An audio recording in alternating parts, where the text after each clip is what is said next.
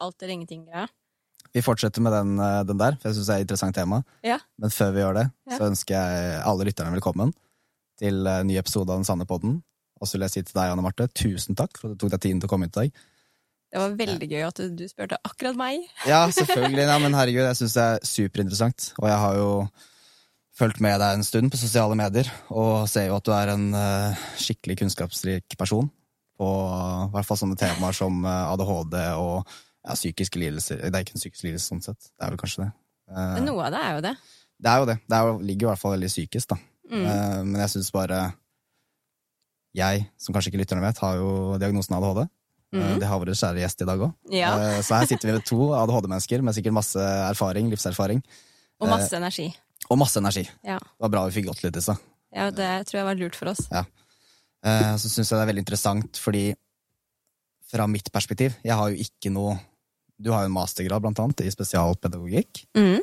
Og har, eh, var etter litt research, eh, over 13 års arbeidserfaring innenfor Hva heter det? Nevro et vanskelig ord. Ja, Nevroutviklingsforstyrrelse. Ikke sant? Ja. Det handler om både autisme, Tourettes syndrom, ADHD. Det handler om Tourettes syndrom òg, ja. Mm. Gjør det, ikke sant? Ja. Og da tenkte jeg liksom wow, det må jo være utrolig kult å bare Jeg tenkte på det noen dager før jeg sendte deg melding. Jeg bare, Ja. jeg håper jeg må bare skrive en bra melding, sånn at uh, Anne Marte har lyst til å komme i studio og snakke om det. Jeg syns det er veldig interessant, fordi du har jo erfaring fra ditt eget liv, men jeg vil jo tro at det er veldig mye man lærer i løpet av en slik utdannelse og arbeidserfaring, da, når du jobber med flere Ja. mennesker. Jeg har jo aldri jobba med noen med ADHD eller noen ting. Jeg har jo bare erfart det fra, deg selv. Bare fra meg selv. Ja. Men det er jo en erfaring, det òg. Det er et Det perspektiv. er en veldig god erfaring. Men det er jo ikke noe fasit heller, på en måte. På hva Nei. For det er jo et interessant spørsmål. Jeg, jeg har jo hatt ADHD i 20 år, over 20 år. Ja. Men hva er ADHD? Har jeg stilt meg selv spørsmål noen ganger. For det er jo litt sånn Vet du hva det er? Det er Vel. en reguleringsvanske. ja. Ja. Altså, mange som eh, kommer til meg som sier sånn 'Jeg har ADHD, så da kan jeg ikke fokusere'. Mm. Eh, nei, kjære, vet du hva? Vi er der at du klarer fint å fokusere, du bare hyperfokuserer. ja. Eller så mangler du fokus, ikke sant? Eh, sant. det er alt eller ingenting. Eh, Enten eller. ja. Og det er jo veldig synd, fordi mange ønsker jo gjerne å være litt sånn midt på treet. Ok, Mm. jeg fokuserer litt, og så kan jeg ta en pause. Mens vi med ADHD vi går ofte veldig hardt inn i eh, det vi er interessert i. Ja, det her snakka du om i stad. Det gjorde jeg. Mm. Ja, som jeg sa tidligere, så hvor kanskje du kjenner deg igjen nå, at jeg blir Ja. veldig obsessed med det jeg driver med. Ja. Hvis jeg skal produsere musikk og får en eh, periode hvor jeg gjør det, så er det fra morgen til kveld. Hvis jeg, som jeg sa i stad, jeg har jobba med noen søknader om dagen. ja. eh, på forskjellige måter. Da er det sånn, da gjør jeg det fra morgen til kveld i syv dager. For jeg blir helt obsessed med en ting. Ja. Men det er viktig å ta en pause etterpå. Pauser. Ja. Veldig viktig. Ja, noen- etterpå, ja. ja. For det er noen som sier sånn Ja, men da må du avbryte eh, hyperfokuset for å ta en pause. Ikke sant? Eh, når du avbryter et hyperfokus, så er det veldig vanskelig å komme tilbake til det hyperfokuset. Da må du bruke mye tid på å hente opp igjen det du akkurat har brukt mye tid på å lage eller bearbeide eller eh, skaffe deg informasjon om. Så må Mm. du hente det på nytt igjen. For det må være en rød tråd ikke sant, i det du henter inn. Så når du bryter et hyperfokus, så må du begynne på nytt igjen. Mm. Så når noen sier til meg sånn, ja, men da må du ta en pause, Anne Marte. Så sier jeg sånn, jeg har ikke så veldig lyst til det, for da må jeg begynne på scratch igjen. Ja. Men jeg kan gjerne ta en pause etterpå, at jeg vet det, at nå har jeg sittet i åtte timer og hatt hyperfokus. Uh, I morgen så skal jeg ikke drive med akkurat det her, Mm. fordi jeg vet at jeg havner i et hyperfokus, så da må jeg liksom gå unna det uh, neste dag da. Balanse, da, med andre ord. Ja, Ja, Det er veldig interessant. det er litt mer balansert enn at man skal si sånn, hvert tiende minutt skal du ta en pause. Mm. Da begynner du å sånn tulle litt da med hodet ditt. Helt klart. Jeg kjenner meg veldig igjen, fordi jeg tror alle mennesker har forskjellig tilnærming på hva som er sunt og ikke sunt med tanke på Mhm. arbeidsmengde. Ja. For jeg kan jo fint enkelte dager bare holde på i 13-14 timer, men spesielt med noe jeg liker. Ja. Og så kan man høre at nei, men det er viktig at du ikke overarbeider deg sånn, men jeg føler i hvert fall fra mitt perspektiv, så hvis det er riktig for kroppen din å jobbe Ja. hardt med en ting, så gjør det. Men hvis du merker en dag at nå trenger du pause, da er det viktig å roe ned, og ikke presse seg for hardt. Da lytter du. Jeg vet ikke hvordan du er der, men jeg har det slik veldig ofte at jeg har flere dager hvor jeg bare står på fra morgen til kveld, Ja. og så trenger jeg plutselig fire dager hvor jeg bare ser på serie.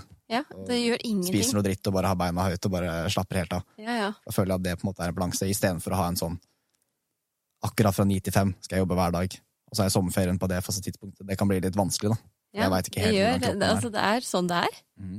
Det er veldig gjenkjennelig. Jeg tror mange kommer til å kjenne seg igjen i det. Ja. mm. Absolutt. Så jeg føler jo Ja, det er jo litt interessant med deg òg, for du har jo opplevd et eget firma, Din Ja. pedagog, hvor du hjelper andre mennesker eh, med ADHD-utfordringer. Det gjør jeg. Hva føler du gjorde at du ønsket å komme dit, hvor du ønsker å hjelpe andre? Hva Jeg er en hjelper. Du er en hjelper. Jeg er en hjelper. Det fant jeg ut eh, i tidlig alder. Ja. Fordi jeg er Du og jeg snakket litt om dette i stad, men mm. når du ser eh, andre mennesker eh, raskt du, Mm. du klarer å kjenne på energiene som er i et rom, du klarer Ja. å lese andre mennesker veldig raskt. Er også mange med ADHD er veldig løsningsorienterte, ikke sant? Mm. Klarer å finne svar på problemer som andre kanskje har hatt lenge. Mm. Og så vi, har vi mye lettere for å hjelpe andre enn oss selv. Veldig riktig. Ja. Kjenner meg igjen der. Og derfor så fant jeg ut at ok, jeg må ha et firma som gjør at jeg kan altså utfolde meg. Mm. Jeg trenger Jeg kan ikke ha noe som er én oppgave, så er det den oppgaven jeg skal gjøre. Nei. Jeg må eh, kunne utvikle meg som person, Mm. eh, lære nye ting. Og hvis man oppretter et firma, så lærer man utrolig mange ting. Både tro. om seg selv og om eh, ting rundt som Absolutt. eh, må på plass. Og det var gøy. Ja, for du har jo på en måte ikke noe fasit på hvordan du har ikke noen som forteller deg hva du skal gjøre. Alt står jo på en måte veldig fritt. Du kan jo få feedback fra venner, men det er jo ikke noe Nei, ja. Det blir veldig mye kreativt, da. Det blir veldig kreativt, Og og så blir det mye dypdykk. Og så fanges du litt i det her med at ok, jeg kan ikke komme utenom å lære meg dette. Nei, Og da finner man en sånn utrolig interesse i å lære seg de rareste ting. Ja, når du har en sterk grunn, så finner du ut av hvordan, føler jeg. Ja. At det er litt sånn det har vi også snakket om. Vi, har, vi kan si til lytterne, vi har jo allerede Ja. skravla i Ja. strekk siden jeg møtte deg utafor i stad. Så har veldig mye felles trekk og likheter med tanke på erfaring med ADHD og hvordan hodet fungerer. Det er veldig interessant. Men eh, det er jo det at når du liksom har en grunn til at du skal lære en ting, da blir det Mhm. mye lettere å gjøre det enn å på en måte ikke ha en grunn. Ja. Det er jo store utfordringer, i hvert fall. Det, det tror jeg mange sliter med i dag. Eh, Spesielt unge, da, som går på skole, og så har de det pensumet her skal du lære, men hvis du ikke har en grunn, så blir det utrolig vanskelig å fange det opp.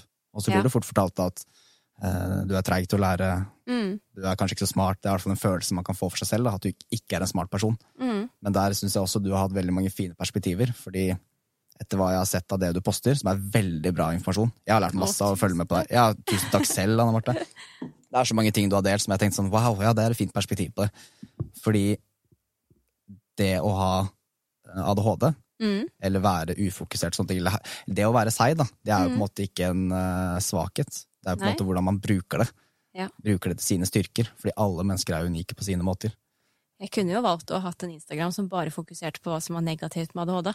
Det kunne du. Ja, men det valgte jeg å ikke ha. Du gjorde det. Ja, Ja. Og det var et veldig bevisst valg. Jeg tror det er et veldig godt valg, istedenfor Mm. å bare snakke om hva som er dritt. Måte. Mm. For jeg føler at det er jo egentlig bare en polaritet. Det er Ja. jo hva som er bra og hva som er dårlig. Det er liksom hvor den grensa går, da. Ja, men for, vi, ja. vi skal ikke bagatellisere ADHD på noe som helst vis. Det er Nei. mange ting ved ADHD som ikke er eh, noe ålreit i det hele tatt, som er Absolutt. direkte utfordrende. Men så kan jo vi se på dette med nye øyne. Alt Mm. må ikke være negativt ladet, ikke sant? Klart. Jeg syns jo den eh, Altså, det var et barn som kom til meg og sa at jeg syns det er så dumt fordi jeg alltid avbryter andre. Ja. Uh, og så snakket jeg litt med dette barnet, så sa jeg, men hvis du Fordi eh, du har hatt en post om dette med at du har endret litt eh, hvordan du snakker om deg selv. Mm. Og jeg har jo snakket med barn om dette i mange år. Hvordan er det du snakker om deg selv når du beskriver utfordringer, ikke sant? Mm. Og når det barnet begynte å si til andre barn at jeg, jeg ble så innmari engasjert, eller jeg, ble, jeg syntes det var så gøy det vi snakket om, Mm. så jeg klarte ikke å vente.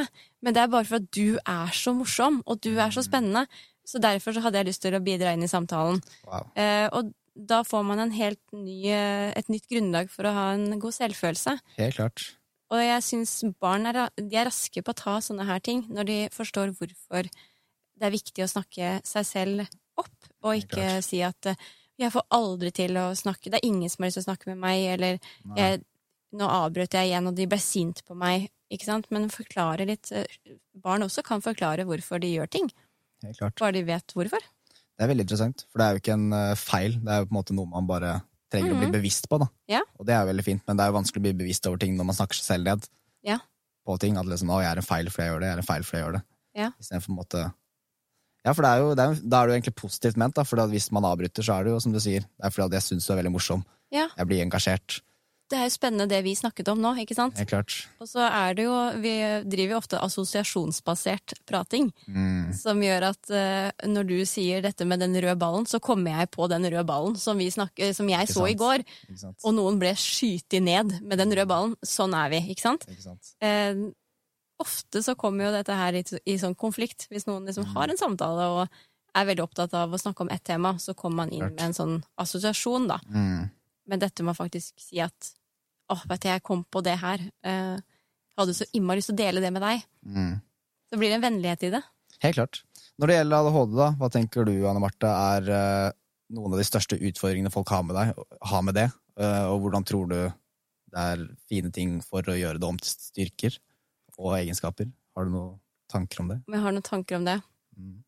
Det som er eh, kjernesymptomene ved ADHD, eh, altså hyperaktivitet og uoppmerksomhet, impulsivitet, ikke sant, Mm. eh, det er sjelden hovedproblemet til de med ADHD. Er det det? Mm. Fordi det er sjelden noen kommer til meg og sier sånn eh, jeg trenger veiledning fordi at jeg er uoppmerksom. Mm. Eh, De som kommer til meg, de kommer eh, ofte fordi de har tankekjør, eller de grubler mye. Mm. Kjenner du deg igjen? Jeg kjenner meg Ja. igjen. ja, jeg, jeg, bare, jeg sitter der, ja, ja. Ja. Egentlig veldig mye av det du har sagt i dag, er bare sånn ja, ja. Ja. Kjenner meg igjen. Eh, Grubletanker er eh, ofte eh, noe som mange kommer til meg med. Også Går en er loop, liksom. Bare, Ja, det går i en loop, og det er bråket i hodet. Det er, altså, du og jeg kalte det vel kreativ kaos Ja. av tankestrøm. Mm. Andre har jo annet bråk igjen Mm. i hodet. Det er liksom forskjellig hvordan vi er skrudd sammen.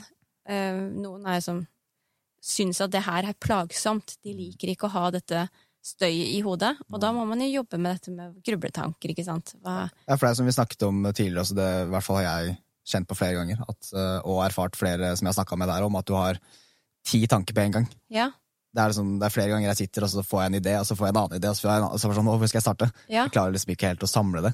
Men har ikke du lyst til å fortelle litt eh, hvordan du har løst det på kvelden? Jo, absolutt. Ja. Jeg, eh, jeg har mange små teknikker, og så er det på en måte jeg, Det jeg syns er interessant med både dette temaet her, Ja. generell selvutvikling, det å forstå seg selv bedre som person, er at det er ingen endelig fasit. Nei? Fordi én ting som fungerer bra for noen, trenger ikke fungere bra for andre, men samtidig tror jeg det er veldig fint å hente inspirasjon fra hverandre. Ja. De ting jeg har gjort og gjør, er jo også hentet fra inspirasjon, eller med inspirasjon fra andre. Mhm. Så jeg har jo skriveblokk.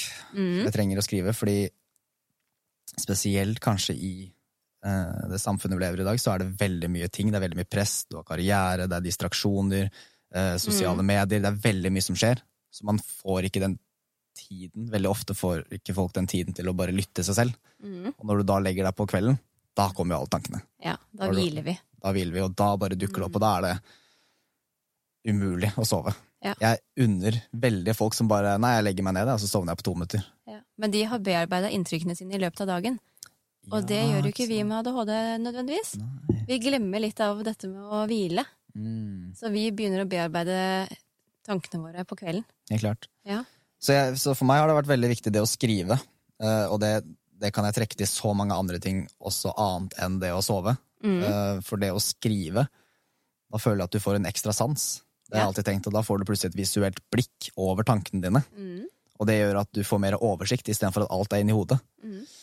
Så enten det å skrive ned, eller snakke høyt seg selv. Ja. Jeg sitter ofte hvis jeg kjører bil, eller hvis jeg er alene hjemme, Ja. så snakker jeg høyt til meg selv. Ja. Og da, ja, jeg, jeg syns det er veldig fint, for da føler jeg at jeg får mer klarhet. For da tvinger jeg meg selv til å sette ord på hele tankerekka, Mm. istedenfor at du bare hopper fra tanke til tanke, og det blir helt kaos. Så det er en av teknikkene mine, eh, men føler også at det er helt nødvendig for meg å meditere. Mm. Flere forskjellige måter å meditere på, men min er den standard at jeg bare setter meg ned, lukker øynene, og så lytter jeg til hva som dukker opp. Ja. Det føler jeg har vært til stor hjelp. Ja. Før du kom inn til i dag òg, så satt jeg der på gulvet i ti minutter, og så bare okay, hva er det hodet vil si nå? Bare for å rense støy, da. Ja. Og da blir det mye lettere å komme litt dypere i seg selv. Hvordan er det du ser på tankene dine? Oh, det er et interessant spørsmål. Når jeg observerer tankene mine, så ser jeg for meg at jeg At jeg sitter her, Ja. og så kommer tanker ned til meg. Ja. og så ligger de over meg. Og så observerer jeg den litt, og så tenker jeg er det noe vits å jobbe mer med den tanken her, eller kan jeg bare klatre over den? ja. Så Så du klatrer over tankene dine? jeg, jeg har meg, jeg har visualisert meg det noen ganger, at, eh, men ikke for å presse dem ned. Hvis tanker Nei, kommer, du så vil jeg ikke? Ja, hvis tanken kommer, så er det ikke sånn at jeg dytter dem vekk. Nei. Jeg tar dem inn. Observerer bare, ok. Fordi på flere måter så føler jeg ikke alltid at du er tankene dine. Du er jo hva du gjør med dem. Ja, du er ikke tankene dine. Du er ikke tankene dine. Nei, Og det, du definerer deg ikke. nei, og det, det kom litt seint for meg at jeg forsto det, fordi veldig ofte så er det liksom Jeg tror alle mennesker på en måte bare har masse tanker, og så Mm. identifiserer de seg med tankene sine. Mm. Og så kan du fort bli litt streng med deg selv. Hvorfor tenkte jeg det? Ja. Uh, og det, det er sånn Nei, du er ikke tankene dine, du er hva du gjør med dem. Og det syns jeg er en veldig viktig approach, egentlig. ja.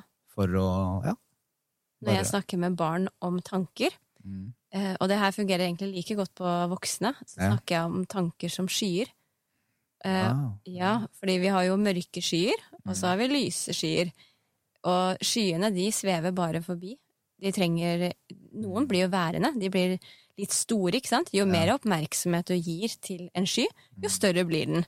Ikke sant. Og det er jo det her med å Ja, ok, vi kan stanse litt ved den skyen her, og tenke litt på den, men så skal vi la den få lov til å fly videre. Ja, ikke sant. Så vi, ikke, vi kan ikke ha alle skyene over oss, for da blir det tett med skyer. Ikke sant. Og da blir de veldig sorte, eller mørke, eller ja. Veldig fint satt, da. Mm. Jeg, jeg tror det hjelper å få liksom bilder på det. Ja. Ikke om, Er det sånn du tenker på det selv også, når du har mye tanker og tankeskjør? At du ser på Ja. det sånn? Ja. ja, jeg sa jo det her til deg i stad, men det her med å ligge på kvelden og ikke få sove, Ja. så har jeg begynt å tenke at åh, neimen så fint, da kan jo jeg ligge her og tenke. Ikke? Eh, og så er ikke tanker skumle for meg lenger. Det var det før, når jeg grubla. Da var, da var tanker skumle. Da gikk det om og om, og om igjen. Så lærte jeg meg jo gode teknikker som gjorde at jeg grubler jo ikke sånn lenger. Ikke sant? Men var bevisst på at å, nå kan jeg ligge her og hvile. Og hvile er også fint. Helt klart. For ble du stressa? Eh, eller sånn Du har eh, kanskje hatt litt sånn søvn eh, Jeg har hatt masse søvnmasker, ja. som du også har jeg hørt. Ja. og det er eh, For meg var det litt annerledes før, for jeg har jo, jeg har jo tics og Tourette. mm, Mye mildere nå i voksen alder enn det det var før. Ja. Fordi Før så var det liksom grimaser og mye Mye. bevegelser og sånne ting. Mm. Eh, og det gjorde at jeg ble jo liggende på kvelden og ha disse Ja. eh, ticsa. Og en annen ting også, som jeg gjorde da jeg var barn, var at jeg hadde noen tvangstanker. Ja. Så jeg lå i senga mi på rommet, og så var tvangstanken at jeg måtte stå opp av senga, Mm. gå til vinduet, se ut av gardinene, Mm. ned på garasjen til naboen, gå tilbake til senga og legge meg ned. Og det gjorde Ja. jeg på repeat. i Om og om igjen. Det var ikke bra i det hele tatt. Så jeg husker jeg bare Det var på en måte Det var jo skummelt. Ja. Men, men jeg hadde på en måte ikke noe Jeg var såpass ung. Jeg husker ikke om jeg var liksom åtte eller ni-ti år. Men da føler jeg at jeg bare egentlig Ja, det, det er vel sånn det er, da, å leve. Jeg, jeg, ja. visste ikke hva normalen var. Jeg hadde Nei. ikke snakka med så mye mennesker. Um, men de tvangstankene ga seg vel etter hvert. Um, heldigvis. Uh, selv om jeg har vært veldig impulsiv, da. ja. Det er jo en ting å jobbe med. Det er jo kanskje alle barn, men Ja. noen i større grad enn andre. Ja. Det er liksom Ja, det er en stein, jeg kaster den, jeg. Oi, fader, der traff jeg vinduet, liksom. ja, det var litt dumt. Vært noen sånne, så jeg har vært en skikkelig rampegutt. Så er det. Men det er jo det å bli bevisst over det, og lære seg teknikker, og liksom lære seg mer om seg selv, for det er det jeg føler er viktig. Det er Uansett hva slags utfordringer man har, så må man bli kjent med seg selv på sin egen måte. Mm. Um, også som du sier, å snakke deg selv opp er jo en veldig viktig del. For hvis du begynner å snakke deg selv ned og sier at du er dum, du er feil for samfunnet, du er Da Ja. blir det jo så mye verre, for da er det jo veldig vanskelig å se en utvei. Ja. På samme måte som du sier med når, du, når man ligger i senga og tenker at Nei, men da er det fint, da. Jeg får ikke sove. Kan sitte her og For du kan bli veldig stressa av å ligge der i den senga. Og bare sånn 'jeg får ikke sove', jeg får ikke sove, nå må jeg sove. Nå er det to timer igjen. Ja, føler du det ofte? Hvis du liksom skal opp tidlig og har noe viktig å gjøre? Ikke, før gjorde jeg det. Mm. Da ble jeg jo nesten litt sånn ble stressa av at jeg ikke fikk sove. Ikke Eh, altså, da får du jo Da går det jo hvert fall ikke an å sove. Da er det mulig umulig å sove. deg opp. Men fungerer du bra med lite søvn? Nei, ikke i det hele tatt. Ikke det? Nei. Det fungerer bra i dag, da. Ja, men nå jeg, har sovet. Du har eh, sovet godt, ja. ja. Ja, Ja, sovet. Men uh, det var uh, verre tidligere, når jeg begynte å stresse meg opp uh, over å ikke få sove. ikke sant? Da får man større søvnproblemer enn hvis man aksepterer at ok, i dag var det en sånn eh, en sånn kveld eller sånn natt. Ja ja, men det er greit. Da vet jeg at i morgen så skal ikke jeg forvente så mye av meg selv, ikke sant. Mens tidligere så kjørte jeg jo på. Jeg tenkte at ja, men selv om ikke jeg har sovet, så må jeg jo kjøre på og være fullstendig til stede og gjøre Ja. akkurat det samme som jeg gjorde, Mm. som jeg ville gjort hvis jeg hadde sovet. Ikke sant? Det som skjer da, er jo at man blir veldig sliten. Mm. Da, det klarer man ikke å stå i veldig lenge. Nei. Nei, for det er jo det. Det har jeg også lært meg for meg selv, at det er viktig å bare Hvis jeg ikke får sove, så er det sånn Ok, men da prøver jeg ikke å sove. Nei. Ikke prøv å sove. Nei. Da kan det være sette på en podkast eller noe og høre på det, eller liksom bare tenker at nå sitter jeg bare og mediterer, eller ligger og mediterer. Ja. Og da føler jeg sovner fortere, for da slipper du det stresset. Ja.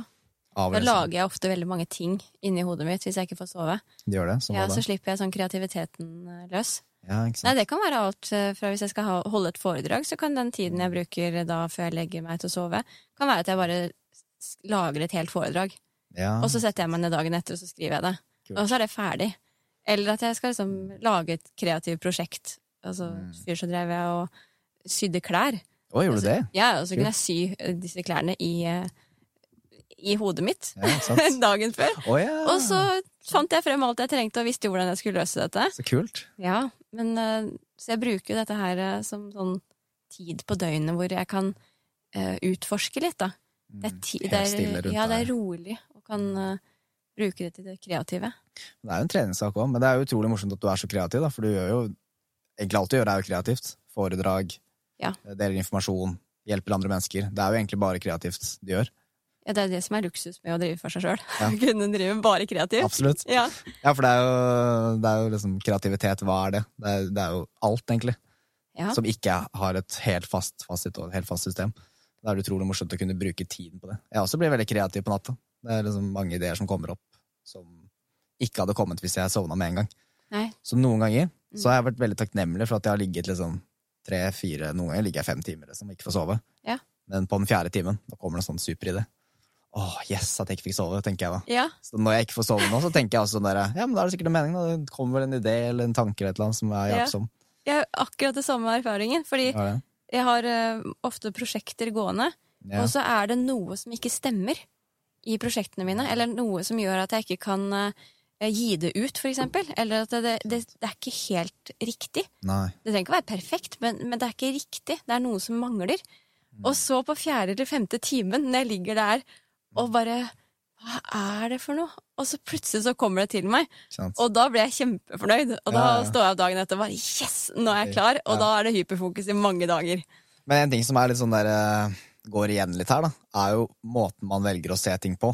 Ja. Det er jo, helt det er jo lov å være frustrert for at man ikke får sove. og sånne ting. Jeg sier jo ikke at Ja, ja. liksom bare tenk positivt, så blir alt positivt. Men det har så mye å si hvordan man velger å se ting på, også for seg selv. Mm. Og det å på en måte, ok, jeg har den utfordringen der, men hvordan kan jeg jeg tenker at Hvis du spør deg selv hvordan kan jeg snu det til min styrke, mm. da åpner det seg opp så ufattelig mange dører. Det gjør det. For det er jo egenskaper ved å ha hyperaktivitet. Det er jo Du har hyperfokus på ting du er interessert i. Det blir på en måte Ja. Når du finner din rytme i ting, så blir det jo lettere. Men det er jo det å kanskje komme seg over den skolekneika, da, som jeg vil kalle det. Ja. Der du på en måte trenger å sitte mer stille og kanskje lære ting du ikke er så interessert i. Ja. Føler du at det er noen endringer der i eh, samfunnet? ja, eller den Altså Jeg skulle likt å se at det var en endring, men jeg ser dessverre ikke så stor endring som jeg hadde håpa. Eh, fordi de kompetansemålene som er i skolen nå, som, eh, som lærerne jobber etter, de er egentlig veldig romslige for å være mye mer utforskende og kunne leke seg til læring enn det det var tidligere. Eh, tidligere var det sånn eh, nå skal vi gjennom dette, du skal lære deg disse tingene her eh, før vi kan gå videre. Mens nå er det egentlig en mye mer sånn lektilnærmet måte å lære på.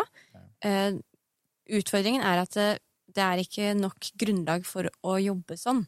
Eh, altså, det betyr jo at eh, læremidlene er ikke lagt til rette for å leke seg til læring. Og så er det, vi veldig redde for at ikke barn skal lære nok. Ja. Og jeg syns jo at det Jeg har jo sett for meg et klasserom som en sånn eh, klokke med sånne Hva heter det for noe, disse som eh, Tannhjulene? tannhjulene Ja. som går rundt, og så har man ulike tannhjul. Og da kan man tenke at disse ulike tannhjulene representerer ulike eh, barn i et klasserom. Eh, Ja. Og hvis man eksempel har et prosjekt om verdensrommet, så er det faktisk noen av disse tannhjulene, eller elevene, som skal jobbe med noen mer sånne tekniske og mer eh, detaljerte ting som handler om verdensrommet. Mens noen av tannhjulene skal faktisk jobbe med å male eh, for eksempel eh, planeter. Og når vi da tar og jobber litt på forskjellige nivåer i et klasserom, noen er faktisk der at de bare skal gå og hente disse isoporkulene som skal være planeter. Praktiske, ja. Men vi er alle sammen deltakende til at det store bildet skal bli flott. Vi kan sammen lære masse. Da begynner vi å snakke om læring, lekbasert læring, ikke sant? Da er de som teknisk lærte seg masse om eh, verdensrommet, eller eh, noen planeter, de kan forklare dette til de som for eksempel har vært og henta eh, planetene, altså isoporkulene. Syns det er så fint å høre. Jeg har ikke tenkt på det på den måten før. At, Nei. nei, det er skikkelig interessant, for det, da lærer du ikke bare det, men du lærer også det der viktigheten av samarbeid, da. Ja. Og de forskjellige styrkene har, for dette kan jo implementeres i samfunnet, og det er jo Alle skal ikke gjøre det samme. Nei. Tenk på, Det jeg kom på nå, er liksom før i tiden. Altså Ja. før steinalderen, liksom. Ja. Da var det jo liksom Ok, de har mye energi på natta, de kan Ja. være øh, vakter på natta, Mm. de her øh, er veldig interessert i mat, de kan Og det er jo så viktig å få det inn i skolen. Ja. Men Og for, vi er, jo, vi er jo de som er eh, altså utforskerne. Mm. Ikke, det er jo noen som sier det, at hvis det ikke hadde vært for mennesker med ADHD, så hadde vi ikke oppdaga nye steder Nei. eller nye ting. Altså, vi hadde Det hadde gått mye raskere eh, Nei, gått saktere Ja, ikke sant? enn eh, når vi utforsker ting hele tiden. Ja, det vil jeg absolutt tro. Jeg, jeg har sett for meg flere ganger at hvis jeg hadde levd før, i tiden før liksom eh, det samfunnet vi kjenner i dag, da, Mm. var, eh, var sånn det var, at folk med ADHD hadde nok funnet mer sin riktige plass på en lettere måte i tidlig alder. Ja. Fordi da var det på en måte mye større behov for det. Alle skulle ikke gjennom det samme, da. Nei. Så, men det du nevnte med skolen der, jeg syns det var utrolig fint perspektiv. Ikke tenkt på det før. Uh, Jeg så det på deg, at du syntes ja, det var bare- ja, jeg bare, interessant. ja, men jeg bare tenkte, jeg syns det er så fint. Det er jo Men tenk deg bare å ha et barn, da, Mm. som eh, Du har ofte to barn i hver klasse som har ADHD. Tenk deg å ha fått eh, gitt eh, de eh, en Altså fått de på rett spor på noe som de virkelig ble interessert i når det gjaldt verdensrommet. Noen av disse barna er for eksempel eh, Vi har særinteresser innenfor eh, ADHD. Man tenker at det handler mye om autismespekteret, men det er like så mye innenfor ADHD. Dette med å bli, ha liksom særinteresser. Eh, Er det noen som er særlig interessert i eksempel steiner, da? Mm. Ok, men hva kan vi bruke men, disse her barna da, med ADHD til i denne anledning? Jo, vet du hva? Det er faktisk en overflate på hver eneste av disse planetene. Ja. Kan vi ikke kjøre på og lære litt om det? Wow. Eh, Da begynner vi å tenke på barna som en ressurs i det store. Eh, altså, disse tannhjulene jobber sammen. Mm. Vi trenger at alle bidrar inn med det de kan. Og samtidig vil de få mestringsfølelse Mm, og motivasjon. og motivasjon. Ja, Tenk å lære nye stein. Altså, tenk å lære stein på flere planeter. Helt klart. Ja, for da, er det, da finner man på en måte jeg, jeg bare, Grunnen til at jeg digger det budskapet der og måten du setter det på, er for at det her er jo mye av det jeg eh, har, brenner for å Mm. få ut. Det der med at vi alle har liksom våre svakheter og styrker, Mm. men de svakhetene er ikke en svakhet. Det er bare et rom for å kunne utfylle hverandre. Ja. For det er det det er. Det er jo ikke en svakhet, det er bare et stort rom for et samarbeid hvor vi kan jobbe sammen om Ja. å nå målene våre. Og det er jo superfint at da barn som er interessert i det de er interessert i Et lite eksempel er eh, Jeg hadde et foredrag i fjor på en eh, barneskole. Ja. Og så hadde vi en workshop etter foredraget hvor vi skulle skrive dikt som var helt fritt. Ja. Men så tenkte jeg at det er jo ikke alle som er interessert i å skrive dikt. Vi har jo forskjellige styrker. Så jeg kunne ikke putte så mye i det, men det jeg tenkte da, var at det var fint at de som ikke liker å skrive dikt, kanskje er større sannsynlighet for at de liker å tegne, Mm. og motsatt. Og det var det, for jeg gjorde en håndsopprekning. Hvem er det som liker å skrive? Sang eller dikt? Halve klassen rakk opp hånda. Hvem er det som er mer glad i å tegne? Den andre halvdelen Ja. eh, rakk opp hånda. Og da ble det et utrolig fint samarbeid, for da kunne noen skrive, Ja. og noen kunne tegne, og så kunne møtes grupper og lage dikt eller tegne til ordene som ble skrevet. Ja. Og da følte jeg en sånn derre Den energien i de klasserommene da ble veldig sånn god energi, da. Mm. Nå har ikke jeg vært så mye i klasserom sånn ellers i voksen alder, annet enn når jeg gikk på skolen, men jeg, den energien der, den øh, føler jeg at det er behov for mer av i klasserom. Det er akkurat det. At når vi kan lære av hverandre. Og så skal du rett se at de som kanskje ikke var så interessert i ord i den sammenheng her, de lærte seg nye ord fordi de skulle tegne ordene til de som er gode med ord. Ikke sant? Og, og Og da har du plutselig lært noen ord. Og så er det noen som syns at for eksempel eh, tegning er vanskelig. Mm. Og så fikk de allikevel, selv om de syns at tegning er vanskelig, så fikk de visualisert ordene sine. Ikke sant. Og det er jo et nydelig samspill. Det er jo det. Og jeg syns jo det her er det som er verdt å jobbe for i skolesystemet. At vi alle sammen har noe å bidra med. Og at er, vi, er det et barn som er veldig, veldig god på skolen, sånn rent faglig, så er det jo store muligheter for å le, lære masse om empati og medfølelse. Hvordan er det man kan lære andre? Mm. Fordi vi, vi trenger at alle sammen er med, ikke sant? Klart. Men alle skal ikke gjøre det samme. Vi trenger ikke gjøre det samme. forskjellige- Ja. poster. Og det, det er flere mennesker jeg har møtt som på en måte er Jeg finner dem fascinerende, for de har helt andre interesser enn det jeg har. Ja. Så lenge de har en passion for det de driver med, da er er, jeg, da er jeg inspirert. Ja. Det kan være om skikkelig nerdeting. Altså, jeg elsker nerder. Ja. Bare er det du driver med, Ja. og har en passion for det. Hvordan tror du det fremgangsmåten for å få det her mer inn på skole kan være? Om det ikke er i gang allerede? Ja, vet du, det, jeg tror jo den prosessen her er i gang. Ja. Den er i gang, den går bare litt langsomt. Mm. Um, jeg ser jo for meg at uh, vi kan inspirere litt, du Ja, og jeg jeg. håper det. Ja, Håper det. fordi uh, det er noe med å se på menneskene på en kanskje litt ny måte. Og så må vi komme oss bort fra tidligere læreplaner. Dette her med å ha veldig sånn kunnskapsorientert målsettinger, ikke sant. Ikke sant? Vi skal vurderes ut fra prestasjon, og vi trenger egentlig ikke flinke barn, vi trenger glade barn. Godt sagt. Og det er jo det som eh, Jeg sier til nesten alle lærere, at barn som ikke har det bra, de lærer ikke. Nei. Det høres veldig sånn brutalt ut. At eh, barn som, ikke, sannhet i det. barn som ikke er glad, de lærer ikke. Men tenk deg å sitte trist på skolen, og ha, du har hodet et helt annet sted enn på det å lære. Eh, Det er jo ikke rart at man mister motivasjonen, eller føler at det er vanskelige relasjoner med andre barn, hvis man ikke har det bra. Helt klart. Nei, det er jo en veldig sånn essensiell ting, da, det å føle seg bra, liksom. Selvfølgelig, du har dager hvor du føler deg dårlig, dager hvor du føler deg bra. Det er jo en balanse. Sånn skal Ja. det være. Men det å ikke være tilfreds med det du driver med, eller det du gjør, hver dag, det er jo utrolig vanskelig å hente energi, motivasjon, inspirasjon og fokus Ja. til å gjøre de tingene. Jeg merker jo det de dagene jeg har verre dager, hvis jeg skal kalle det. Ja. Så er det jo vanskeligere å ha gode samtaler. Ja, For da er du inni hodet ditt. Da er du inne i hodet ditt. Mens når du har det bra, hva er det man gjør når man har det bra? Jeg føler at man er i en flyt, man er i en flow. Man Ja. tenker ikke så mye. Det er derfor Bare- jeg snakker veldig mye om dette med å være i flyt. Ja, det gjør det. Ja, Og jobbe med å komme seg i flyt. Ja, det er litt morsomt, for det, det er en ting jeg har Siden vi snakka om det i stad, det med å være obsess med ting jeg gjør, Ja.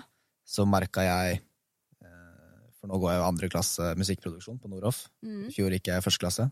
Quick math. Yes. yes. Jeg er stolt av meg selv, altså. ja. Og da merka jeg at det jeg lærte av eh, Ok, nå er det egentlig flere emner som kommer inn. Nå fikk jeg litt sånn ADHD-hjerne. ja, nå blir det veldig? ADHD-erne. Ja. Vi snakka også om det med Nei, ok, nå må jeg starte her. Um, det jeg merka i fjor, det var at jeg var veldig på med det som produserer musikk, og jeg gjorde egentlig litt mye. Ja. Fordi For det første så mista jeg litt gleden til slutt, Ja. og så blanda jeg litt med eksterne og interne forventninger. Mm. Hva er det egentlig hva er det jeg ønsker å gjøre, hva er det andre forventer at jeg skal gjøre? Og så merka jeg det at ved den pausen jeg fikk i sommer, ved å på en måte bare legge alt fra meg, Mm. så var det en mye mer uh, Det var egentlig ikke det jeg skulle si. Det det var en annen ting jeg skulle si, men det her var liksom den andre tanken. Du får en sånn kreativ pause. For sånn kreativ, ja, men det, det med den kreative pausen var veldig bra, for da uh, det, det var jo med flyt, var det ikke det vi snakka om? Mista det litt. Det er interessant. Jeg syns det er veldig morsomt at du, du hadde så mange tanker i hodet ditt nå. Og det her Ja. er veldig typisk ADHD-hode. Å komme i sånn Du kan se for deg at hodet er motorveier, og så bare kjører det veldig veldig fort på alle disse motorveiene samtidig. Sånn. Og så skal man prøve å samle de trådene til å bli en sammenheng. Eh, og hvis man ikke har ADHD, sånn som jeg følte den her helt Ja ja, selvfølgelig. Ja, ja. Det her ga kjempemening for Morsomt at jeg sa det høyt òg, for da bare ble jeg bevisst på det at nå ble det mange tanker på en gang. Ja, Bare, ja. Eh, Mens andre igjen, som eh, kanskje ikke har ADHD, de vil tenke sånn. Hæ, hva var det han egentlig mente nå? Ikke sant? Men det her gir kjempemening for meg. gjør det. Er bra at vi har ADHD som topic i dag òg, da. Ja, ja. Liksom, da fikk vi et real uh, time Ja. eksempel på det. Det var et veldig godt eksempel. Men det jeg startet på, det, i hvert fall, var jo det vi også snakka om i stad. Det med den viktige pausen. Det Ja. å måtte ta en pause fra ting. Få mer oversikt, komme tilbake og så Mm. vite mer hva man skal putte fokus på. Um, Da kan man jobbe etter mål. Da kan man jobbe etter mål. Ja. Og mål er mye lettere. Det er veldig håndfast og veldig sånn trygt. Da har man en retning. Mm, Ikke sant? Der handler det om å skape seg forutsigbarhet og struktur. Ikke sant? Mm. Få liksom rammet deg litt inn. Det er klart. For det er eh, litt vanskelig å jobbe kreativt hvis man har ytre forventninger Det eh, det. som krasjer med de indre forventningene. Det er klart. Det var kanskje det du merka. Ja, det, det er eh, Jeg tror det er veldig viktig å være bevisst på det, fordi når du begynner å jobbe etter ytre forventninger, Mm. da er det på en måte Du følger ikke deg selv helt. Nei. Da er det mye vanskeligere å på en måte eh, finne en balanse i det man driver med. Mm. For da, ved å på en måte ha de indre forventningene og liksom spørre seg selv er det her noe jeg vil gjøre fordi andre forventer det, eller er det noe jeg vil gjøre fordi jeg vil gjøre det. Det er så Mhm. viktig. Ja. Og, det, og der har du egentlig et godt eksempel på hvorfor det er viktig med det der tannhjulet du snakker om inn i skoler. Ja. For da, er det på en måte, da kan du velge litt mer selv Ja. hva du ønsker å bruke tiden på. Mm. Og det, det du ønsker å bruke tiden på Barn er jo nysgjerrige. Er. Eh, alle er, mennesker er nysgjerrige, men barn kanskje spesielt, for de er ute etter å lære hele tiden. Mm. Og det å kunne følge sin magefølelse på hva som føles riktig for meg, mm. da tror jeg man lærer mer. Da jobber man etter glede. Ikke sant? Ja. Og det Og det er, gir motivasjon. det gir motivasjon. Mm. Og mestringsfølelse. Mm. Som da bygger videre på. Så jeg tror det er superviktig å få mer inn. Men når du har holdt foredrag, Mm. er det, har det vært på barneskoler eller ungdomsskoler eller noe? Eller? Det har det. Både barneskole og ungdomsskole. Når er det du startet med det?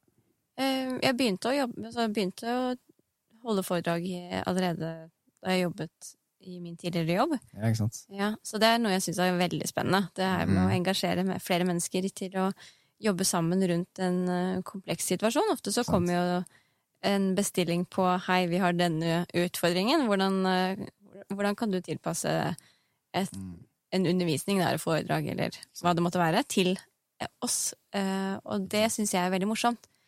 Fordi hvis jeg begynner med sånne standardting, så gir det lite motivasjon for min del. ikke sant? For jeg har også et ADHD-hode. Har det, ikke sant? ja.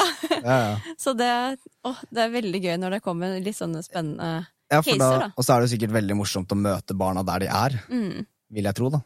Ja, Det er sikkert mye interessante samtaler med de også, etter foredragene eller før, eller ja, nå har jeg holdt foredrag for voksne ikke sant, som jobber på skoler.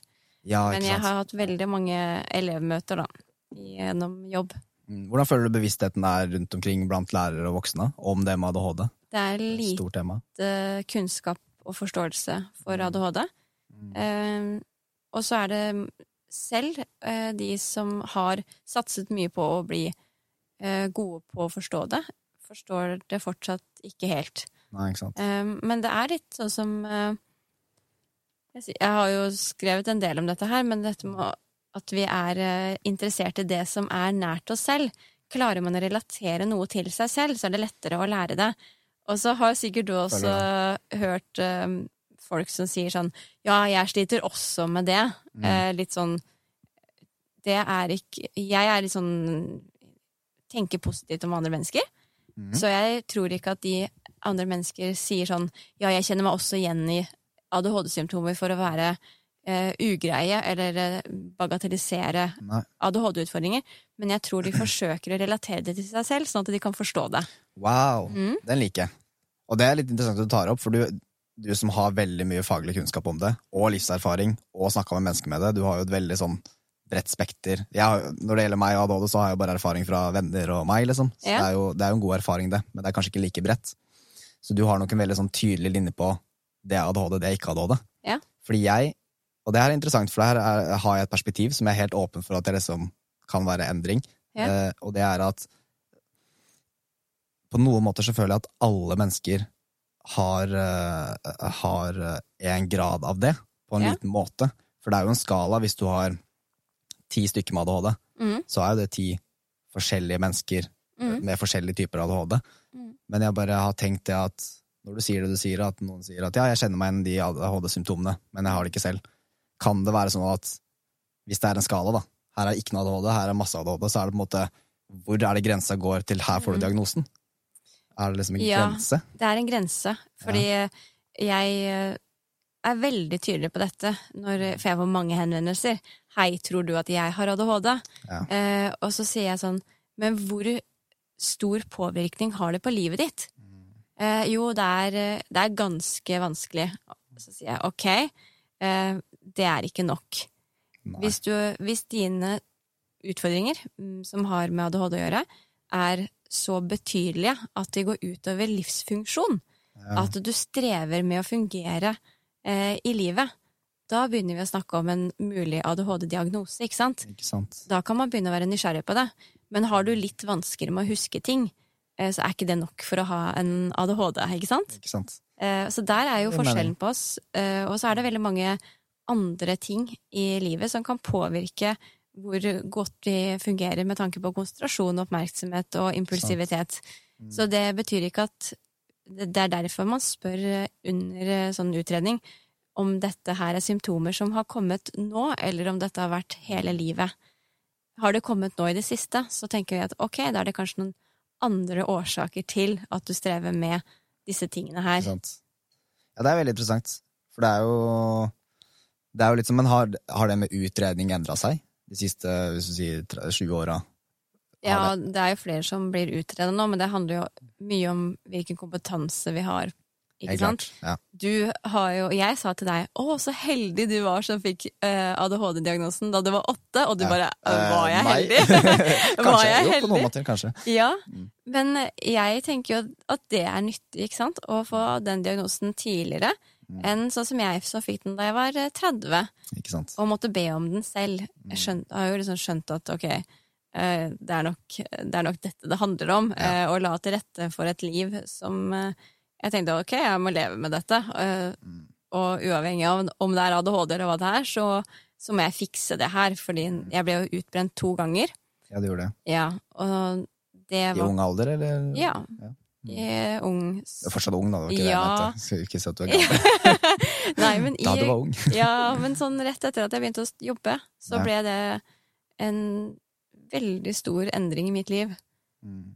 Eh, Da fant jeg ut at nå, dette, sånn kan jeg ikke leve. Jeg kan ikke leve i en sånn uadministrert ADHD-verden. Det ble kaos. Mm. Ja, for det er jo der, der har vi litt forskjellige uh, erfaring på det. For jeg fikk jo diagnosen da jeg var åtte, du fikk den når, Mhm. når du var 30 eller etter. Mm. Uh, og litt sånn med medisinering òg, da. Ja, Det, var det, det var det første jeg tenkte på når du sa Ja, det var Helle som fikk det. eh, diagnose så tidlig. ja, Fordi jeg, uten tvil så er det jo fint å få et ord på det. ja. eh, for da er det folk som har brukt mye tid på å få kompetanse om, Mm. eh, om ADHD generelt. Ja. Og da er det jo veldig mye lettere å få hjelp da, som er tilrettelagt for disse utfordringene. Det er veldig fint, Men jeg tror vel når jeg var åtte år, så var det veldig lite kunnskap om det. Det har Det boosta veldig mye i det siste, så da var det vel sånn Jeg er ikke sikker, eller jo, jeg er ganske sikker, jeg tror ikke at det var bra for meg som åtteåring å få medisiner. Nei.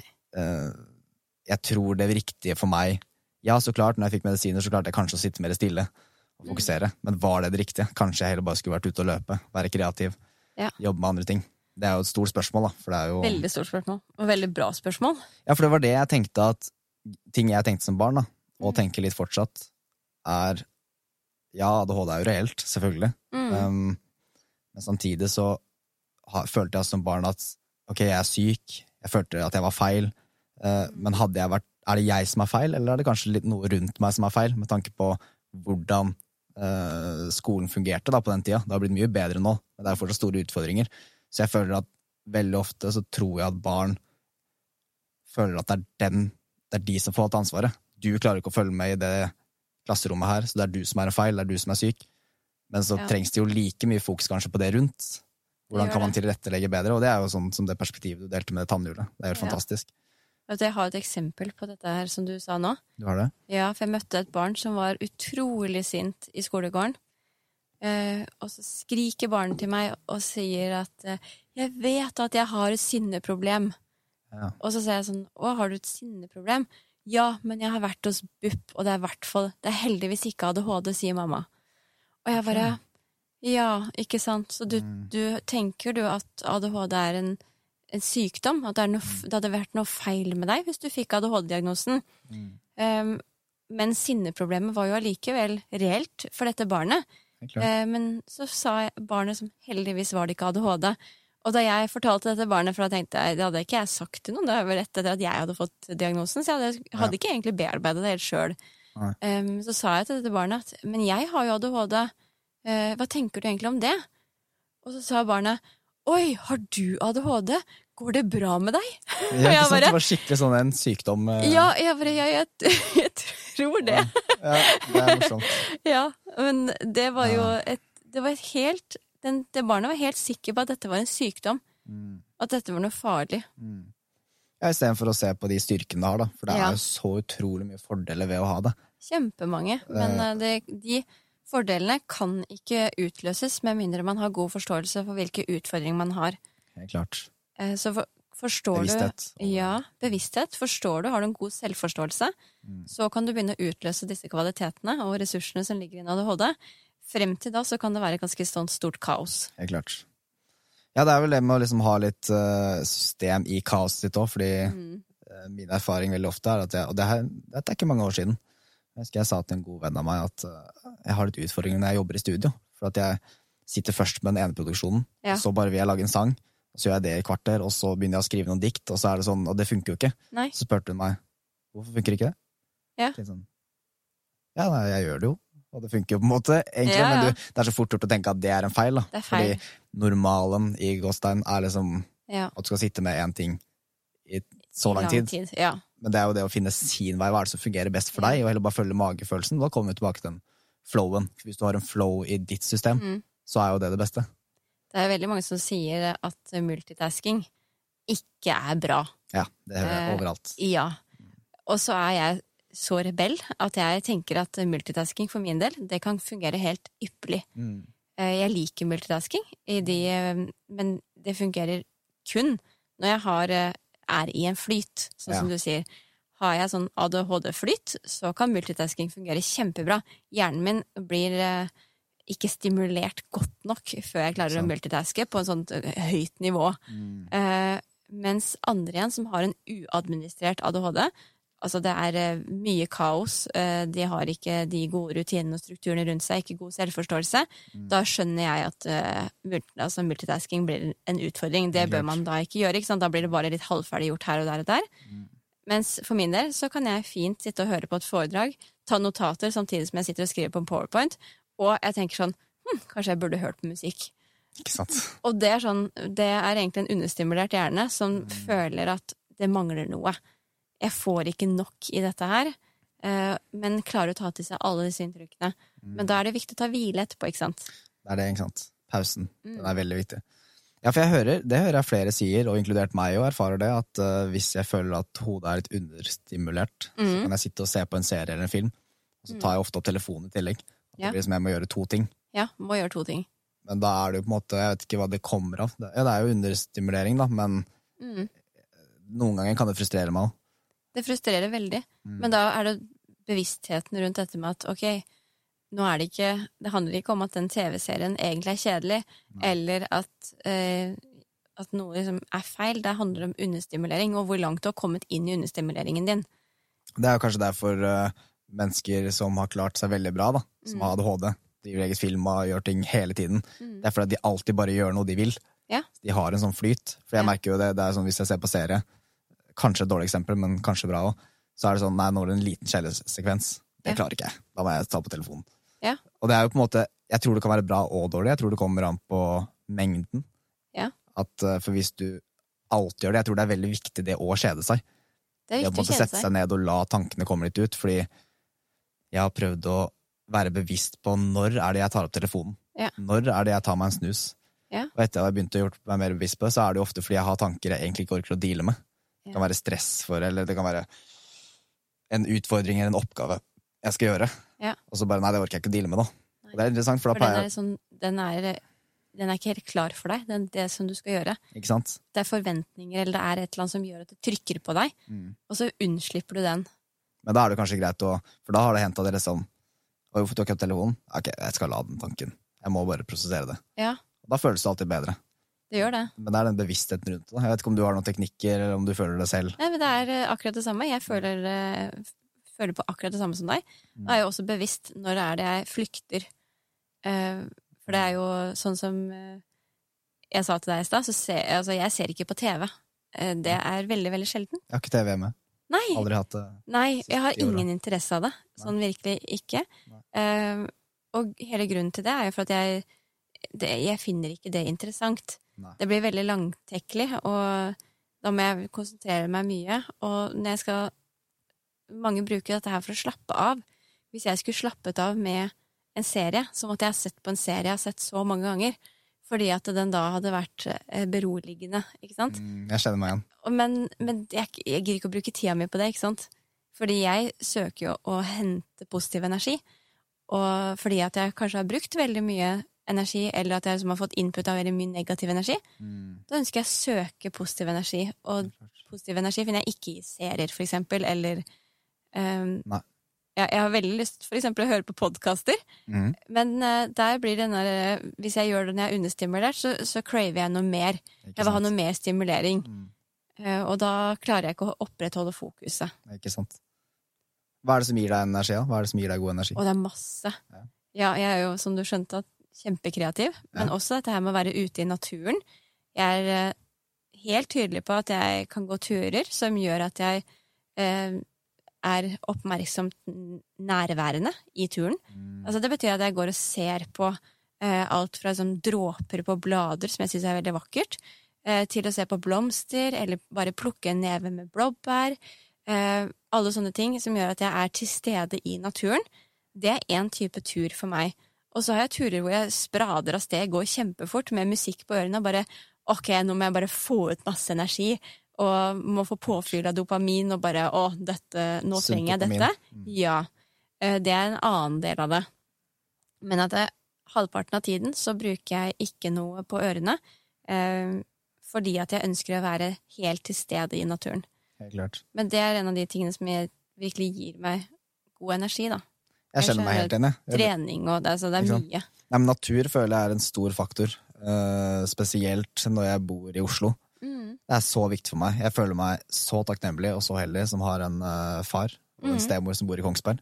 Ja. Har et hus midt i skogen. Ja. Det er fristedet mitt. Når jeg kommer dit, så merker jeg sånn En gang jeg åpner døra av bilen, eller kommer opp fra bussen, Ja. sånn, åh, Yes. merker at det lander. Jeg føler at jeg, det er ikke så mye støy. Nei. Jeg tror Jeg tror ikke det er ikke akkurat det. Det er jo bevis på at alle mennesker bærer jo energier. Ja. Så når du er i byen, eller på et kjøpesenter, eller sånne ting, så er det veldig mange energier å, Mm. å cope med. da. Ja. Men det å komme i naturen, da er du på en måte Du kommer så mye mer i kontakt med deg selv, og det er jo der vi kommer fra. Vi er er, jo vi naturen. Vi er Ja. naturen. Eh, Så Jeg sa jo det til deg i stad, at jeg, å være i eh, Oslo Altså nå er jo du og jeg møttes i Oslo eh, for eh, nå, Det begynner å bli mange år siden. Da jeg avsluttet min mastergrad, så Ja. sa jeg jeg skal aldri reise til Oslo igjen. Nei. Fordi jeg ble så sliten av å være her. mm, Um, mens nå så reiste jeg hit med en sånn helt ny nysgjerrighet. Jeg syns det er kjempespennende. Altså, på den veien som jeg gikk, Ja. så så jeg fem mennesker som spilte Pokémon Go Wow. eh, på telefonen sin. Fordi du ser sånn når de snurrer denne ballen. ja, ja. Eh, og så tenkte jeg sånn Jeg lurer på om alle de menneskene som går forbi, ser alle disse tingene her. Jeg merker Jeg bare får meg sånn Oi, matchende hårstrikk og sko, ja. Jeg, mhm, lurer på Wow. hvordan det var. ja. Så hører jeg alle prate, hva de sier for noe. Eh, Jeg får med alle luktene som er. Og når man klarer å være nysgjerrig på hva det er man tar inn av sin- sanseinntrykk, istedenfor å tenke dette er overstimulerende, Mhm. eh, dette er vanskelig å håndtere, så er det en mye finere opplevelse. Men jeg tror jeg ser ut som en sånn litt redd bydue når jeg, når jeg går rundt. Tror det? Ja. Du så ikke så redd ut da jeg møtte deg. Så. ja du, jeg gjorde ikke det? Nei. Nei. Det er Litt, veldig kanskje? Nei, det gjorde du ikke. Nei, men litt sånn eh, Litt sånn forstyrra, kanskje. At jeg får med meg alt, ikke sant? Men det er jo litt interessant, det der eh, ja, altså, Før jeg starter, så er det sånn jeg kjenner meg veldig igjen. At er, Mm. Du får med deg veldig mye ting. Og det har jo litt med den der sensitiviteten veldig Ja. mange mennesker med ADHD merker. Ja. Du har ikke noe filter. Det er ikke noe filter, det er helt åpent. Ja. Uh, og det er egentlig veldig interessant, fordi at jeg tenker på noen måter at det å være sensitiv, Mm. som på noen måter kan være negativt lada Ja. Oi, du er så sensitiv, da. Men at det egentlig er en superkraft. For Det du er er jo egentlig bare aware. ja. Nå har jeg ikke norske ordet for det. Nei, vi drev og prøvde å finne det i stad, og så kom jeg bare med sånne kjempegammeldagse ord som du lo av. Old soul. Ord er morsomt. Og det, det, og det er jo Det å være sensitiv er jo bare For da veldig ofte når jeg er i møte med andre mennesker som er sensitive, eller aware, da, som vi kan Mhm. kalle det nå, da er de ikke bare sensitive for lyder. Nei. er sensitive for lys. Ja. Jeg blant annet er veldig lyssky. Mm. Veldig sånn, Må ha solbriller. Hvis det bare er hvite skyer, så trenger jeg solbriller noen ganger. ja. Jeg ser at både du og jeg vi myser i det lyset som er her inne, enda det Sant. ikke er uh, skarpt. Sant? sant? Mm. Det er faktisk dimme på lyset nå, men det ble ikke denne gangen. Nei, nei. Eh, og ofte ser jeg en sammenligning med at når man har de eh, sensitive sensorene som mm. det er, så er de også veldig sensitive på mat. Ja. Og da, får du jo, da har du jo IBS, ikke sant? Da har du tarm, irritabel tarmsyndrom. Det er liksom en sykdom. Ja. Men det er jo også bare en egenskap, fordi at kroppen din har sterkere sensor til å detektere hva som ikke er bra for deg. Ja. Så hvis jeg spiser noe som er prosessert, Ja. så kommer jeg til å få vondt i magen med en gang. Mm. Eh, få vondt i hodet. Mens andre personer kanskje klarer det uten å egentlig merke det så mye. Fordi du og jeg vi gikk jo på butikken i stad, for jeg sa sånn Jeg er sulten, og eh, jeg må ha noe å spise før vi begynner her. Eh, og så endte begge to med å kjøpe én banan og en flaske En vann. flaske vann. Fordi at det var såpass eh, Det er såpass rent at det er ingen av oss som ville fått vondt i magen av det. Ikke sant? Og jeg syns det var ganske interessant, Ja. fordi ja, man, vi kunne jo valgt å kjøpe noe annet, men altså, da er jo konsekvensen eh, Da velger vi å få vondt i magen. Ikke sant? Altså, det er et valg vi har.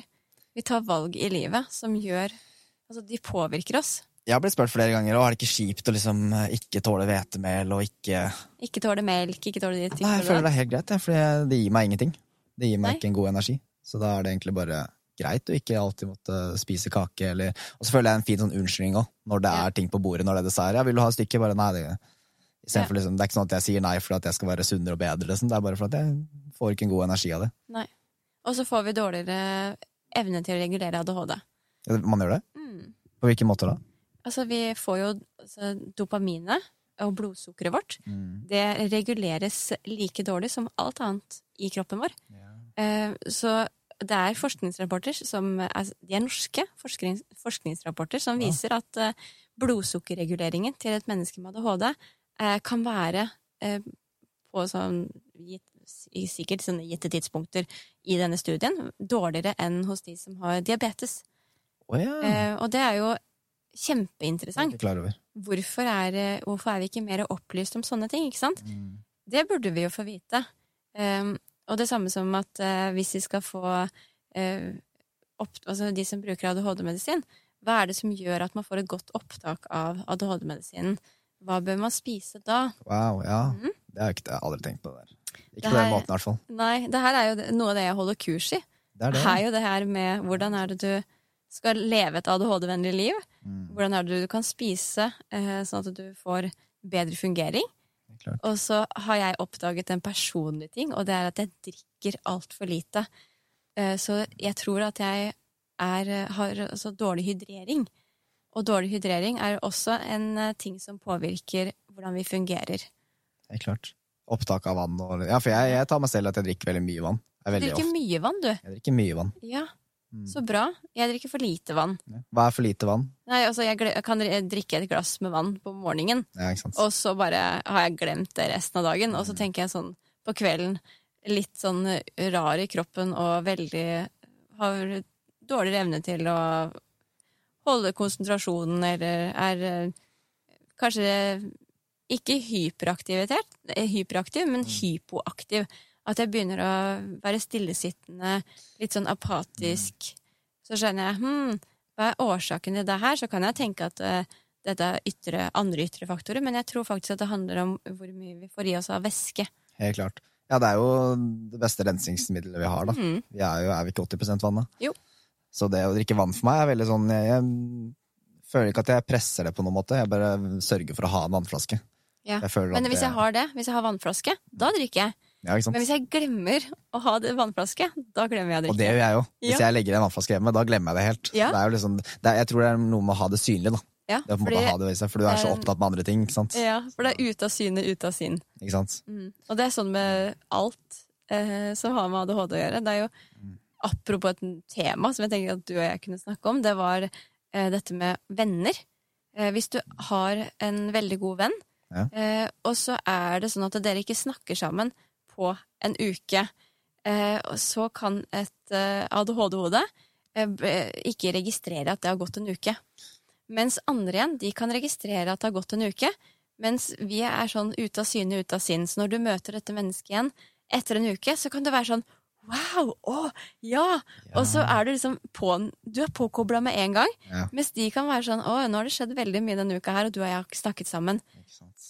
Og det er eh, nesten sånn seriekobla til dette her med alt eller ingenting-holdningen. Ja. Ute av syne, ute av sinn. Enten eller, liksom. Har du opplevd det her før? Jeg har opplevd det mange ganger. Ja. Jeg, jeg, jeg, jeg, jeg har opplevd det mange ganger, men jeg har ikke tenkt på det på den, den måten som du Nei. forteller det nå. Fordi jeg har jo Jeg er veldig sånn positivt låst i det jeg gjør. Ja. Jeg får liksom hyperfokus. Når jeg er her, så er jeg her. Hvis jeg driver med det, så driver jeg med det, og så kan jeg ha perioder, ikke sant. Ja. Så jeg har jo ikke snakka med noen venner jeg har uten ADHD om det her. Nei. Men jeg kan tenke meg at hvis jeg gjør det, så er det sikkert verdt Ja, for verdt det da, sånn, da kommer nok de til å si det. For jeg fikk eh, ei venninne For jeg spurte hva er det mest utfordrende ved å være venn med meg. Wow, du stilte det spørsmålet. Ja, Så bra spørsmål å stille. ja. Og da var en av de tingene som kom opp, var dette med at du, du bare forsvinner litt. Ja. Eh, og så tenkte jeg sånn Forsvinner jeg litt? Hun bare Ja, det kan jo gå en uke eh, fra du skriver til meg, til du fortsetter samtalen. Så jeg bare Å ja! Ja, det er jo litt ugreit, På Og meldinger, tenker du på? Ja, ja. Det også er jeg, der er jeg Jeg vil ikke si dårlig, for det blir veldig negativt. Det er liksom en del av meg, men jeg kan Det er ikke at jeg ikke bryr meg den personen. Jeg bare ser en melding og så bare sånn Jeg har ikke den kapasiteten nå til å svare ja, det. Eller det, den kunne jeg ikke svare på akkurat nå. Så tar det lang tid, og så glemmer du det litt. Ja, og så er det ute av syne, ut av sinns, for da er ikke den aktiv, ikke sant? Mm. Og så kommer det opp igjen. Uh, for sånn, Å ja, jeg var jo i denne samtalen. Så blir du like engasjert. Ikke sant? Fordi du, du, er du du har jo ikke glemt det. Ikke Det er bare at du hadde ikke kapasitet til å svare akkurat da. Ikke sant? Eh, mens andre kan tenke sånn «Hæ, det er kanskje litt uhøflig. Utrolig fint spørsmål å stille for å kunne bevisstgjøre ikke bare Ja. deg selv, men de du har rundt deg på. Da. For Ja. det, det her tenker jeg er viktig i alle sammenhenger. Ja. Det å kunne stille det spørsmålet der. Tørre å, spørre, tørre å spørre andre rundt seg hva, eh, eh, hva, er det, hva er det som er utfordrende for deg Mm. med tanke på min eh, ADHD, og hva er det som er positivt? Mm. For jeg ble like sånn eh, nesten positivt overraska over hvor mange ting som kom opp som var utfordrende. Mm. Eh, men også sammenlignet med hvor mange ting som kom opp som var positivt. Ja. Eh, for det var veldig mange positive ting. Det tror jeg på. Det var jo bare, både det her med å impulsivt finne på nye ting, Mm. Spontan. ja, og ha så mange interesser, alltid ha Ja. noe å prate om. Det var mange ting som var gøy og, og fint og hyggelig å få høre. Så dette Ja. med å være omtenksom, ikke sant. Men Faktisk. så er det fint for meg å bli bevisst på dette med at ok, eh, jeg er ikke alltid jeg holder avtaler, eller at jeg glemmer Jeg sier til noen å, kanskje vi skal reise og gjøre det neste uke. Og så kommer neste uke, og så glemmer jeg den uka at jeg har sagt det, og så kommer jeg på det i slutten av måneden. Mm. Men for meg så er ikke det et langt spenn, fordi tidsoppfatningen min er jo annerledes. Så den er ikke, det er ikke så lenge siden jeg avtalte det, så det Mm. føles ut som i går. Veldig fint å på en måte være bevisst på det, da, fordi veldig ofte så kan vi jo skuffe andre mennesker. Mm, Eller såre, men det er ikke min intensjon. nei, Vi ønsker jo sjelden å såre hverandre, men det skjer. Ja. Og da er det jo viktig også både de som har ADHD eller andre utfordringer, eller Ja. ja, challengers, eh, og folk som ikke har det, og på en måte dele perspektivene sine, for det er jo ikke, det er jo ikke negativt, det er jo en feedback, det er jo ikke kritikk. ja ja, men det var jo sånn at jeg har jo Du og jeg har jo litt sånn like tanker om ting, eh, har jeg Virker skjønt. sånn. Virker sånn. Ja, så da begynte jo jeg å si, istedenfor at jeg skulle snakke meg selv ned og si sånn å, jeg feiler alltid på dette, Mm. så begynte jeg å si sånn Men jeg, vil, jeg øver på å huske på eh, avtaler jeg gjør. Eh, men kan du være snill og, og bare spørre meg igjen Mm. neste uke, sånn at jeg får en påminnelse? Eh, og når jeg da har en forventning om at noen kommer til å stille meg det spørsmålet neste uke, så klarer jeg ofte å huske på det sjøl også. Ja, ok. Mm, Hva tror, det, tror du det kommer av? jeg, jeg tror det handler om at det ikke er en, eh, eh, en sånn eh, En ting som kan flyte ut. Mm. Fordi hvis det er eh, Hvis jeg sier sånn Jeg gjør det etterpå, så er etterpå det kan være om to sekunder, eller om det kan være om to måneder. Eh, fordi det er ikke noe Det er ikke en sats for meg. Nei. Men hvis jeg sier til noen ok, jeg vil veldig gjerne ta en kaffe med deg neste uke, eh, kan du være snill å finne en dato? Fordi da har man en bestemt, et bestemt tidspunkt, ikke sant? Ikke sant? Da er det mye lettere enn Mye lettere.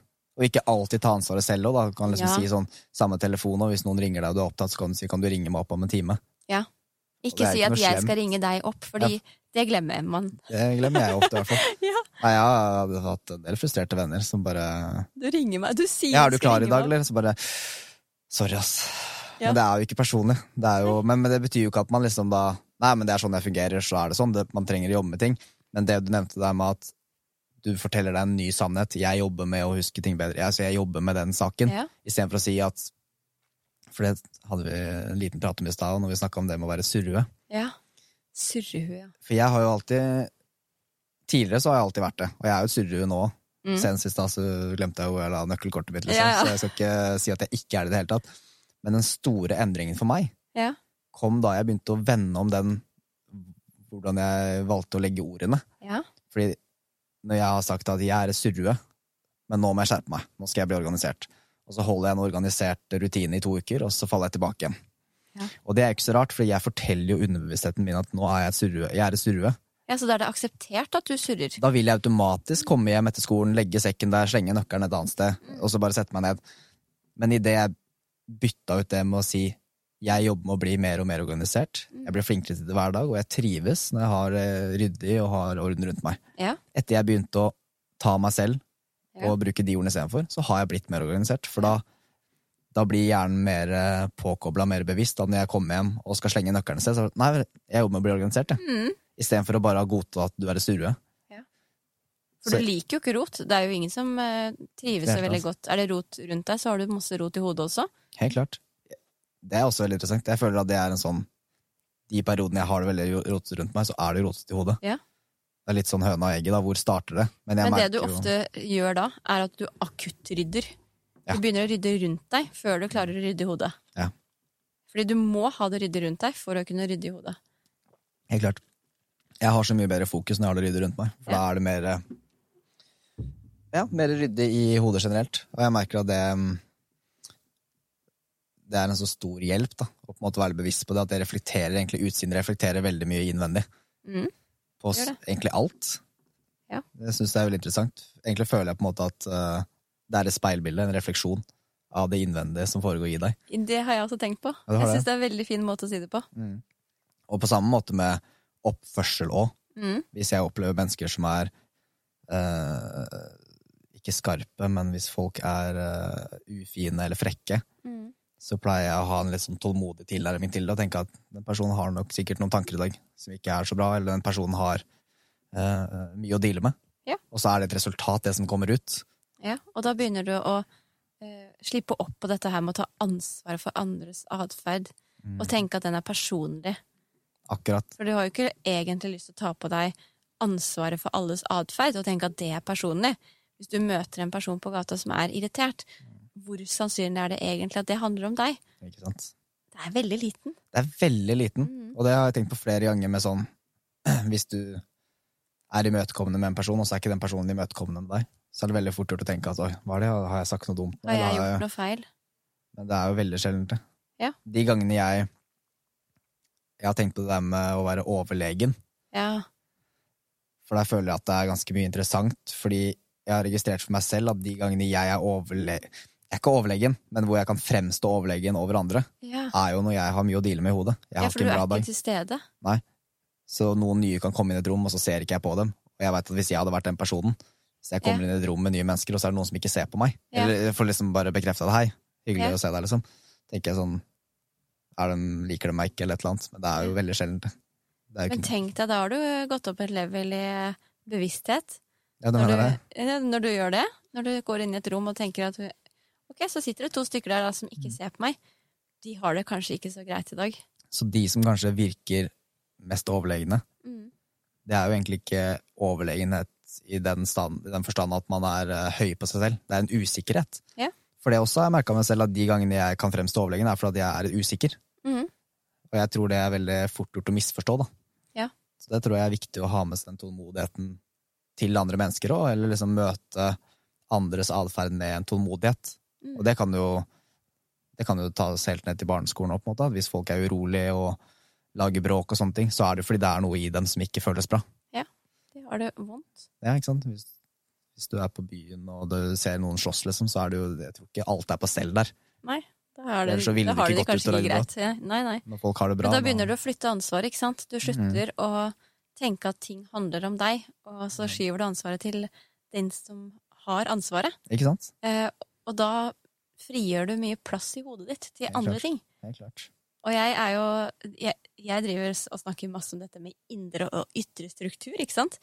Eh, fordi hvis du begynner å skal ta ansvaret for andres atferd, du skal, du skal liksom snakke deg selv ned, du skal ha en indre negativ altså, Nei, det ble feil. Og, ja, eh, negativ indre dialog. Negativ indre dialog. Ja. Ja. Ja. Eh, og så du begynner å ha sånn ustell da, Ja. inni deg selv. Og hvis du i tillegg da har sånn lite kontroll over det rundt deg, så får jo du da en lav livskvalitet. Du vil ikke ha det. Eh, så hvis du skal begynne å jobbe med deg selv, så er det dette her med å plassere Plassere ting der de skal være. ja. Begynne å sette grenser, ta gode valg for deg selv. Mm. Og det å, bare det å, at du velger å si at ok, jeg tror ikke dette her handler om meg. Mm. Denne personen virket, virket, ikke, virket ikke til at det var greit i dag. Nei. Men det handler jo ikke om deg, det handler jo om den personen.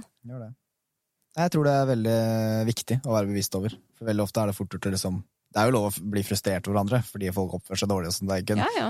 unnskyldning, men det kan være en god forklaring. Ja. Og det er igjen også det å bevisstgjøre hverandre på det. Da er det kanskje fint, i hvert fall med de vennene du har, å si at det er en litt tøff periode. Mhm. Så hvis jeg fremstår litt frekk eller litt skarp, så er det kanskje derfor. Ja. Det var det jeg likte så godt med det spørsmålet du hadde. Hva, det, hva var det spørsmålet du stilte? Hva kan være utfordrende med å være, ha meg som venn? Ja. For jeg hadde en lignende ting med noen venner her om dagen. Så spurte jeg har dere noe perspektiv på områder dere syns jeg kan bli bedre på. En bedre person. Og da kommer det liksom så mye interessant, da, og det er så fint å kunne ha det. Og den ene, det ene tipset jeg fikk av en god venninne av meg, var eh, jeg syns du kan legge til 15 minutter på hver ting du setter deg til å gjøre. ja. For jeg, bl- eh, veldig ofte så Tydeligvis da, så får folk et inntrykk av at jeg har litt dårlig tid. ja Den kan jeg se er, litt. du er en sånn som eh, strever. Du, Ja. du skal liksom eh, Du skal gjøre mye. Ja. Ja. Så da gjør jeg det fort. Ja.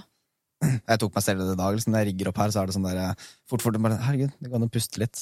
ja, du har ikke dårlig tid. Jeg har ikke dårlig tid. Nei. Men det er sånn Jeg vet ikke om det er, en, er et symptom på det. Dårlig tidssymptom. At det er sånn der, Du skal alltid liksom gjøre to ting på en gang. Jeg elsker å kanskje rydde og høre på podkast, for da føler jeg at jeg lærer mens jeg gjør det rydde. Men Ja, noen ganger så er det fint å bare gjøre én ting av gangen. Ja, det er det. På å Holde fokuset på det. Men det her handler om tidsperspektiv. Ikke sant? Ja, så det er eh, du, du tror at ting tar enten kortere eller lengre tid enn det det egentlig gjør. Ikke sant? Eh, Så du treffer sjelden på hvor lang tid, tid, tid ting tar. Ikke sant? Ja. Hvordan er du der? Eh, Nei, jeg gjør jo det samme. Jeg kan jo si sånn Jeg er der om ti minutter, så bare tar 15 minutter å kjøre, ja. Da Jeg ser også at det matstykket går opp, men ja. i hodet mitt så tar det ti Tar minutter. det 10 minutter? Ja, ja. Ja, der er jeg alltid sånn Ja, og jeg gjør veldig mye, men jeg har også en tanke om at eh, når andre jobber 100 så, så kan jeg ha jobbet 300 på den tiden. Ikke sant? Eh, så Det blir en effektivitet i det òg. ja, det er en effektivitet i det, så du får gjort veldig mye. Men så har jeg også funnet ut at det er greit å ha noen som kontrollerer litt hva man gjør. Eh, og det er eh, klokt å tørre å åpne opp om at ok, jeg er rask, jeg er utrolig rask, men det er veldig fint hvis du kan se over og bare sjekke eksempel skrivefeil, eller for selv om jeg er kjempegod på skriving, så hender det jo at det går fort, ikke sant? Helt klart. Eh, og det er jo ikke noe Jeg vet at det er enkelte ord som jeg alltid kutter noen bokstaver i, fordi at jeg skriver så fort. Ikke sant? Ja. Ikke sant? Ja, men Det er jo veldig interessant, for det, det er jo det jeg tenkte på i stad når jeg snakka om det med å skrive ned tankene sine. Ja. Fordi jeg vil jo tenke meg at det kan eh, sammenlignes litt med, eller tilknyttes til tanker. Ja. For når man har tankeskjør og sånne ting, så tror jeg det er veldig mange ting man skipper. Ja. Uten at man er bevisst over det. Og da blir det jo lettere tankeskjør. Ja. Men ved å da liksom ta seg tiden, og kanskje skrive ned eller snakke høyt, så får man en større bevissthet over det. Og en annen ting jeg merker ved å ha den dårlig tid-symptomet, er jo at da blir jo mer surr.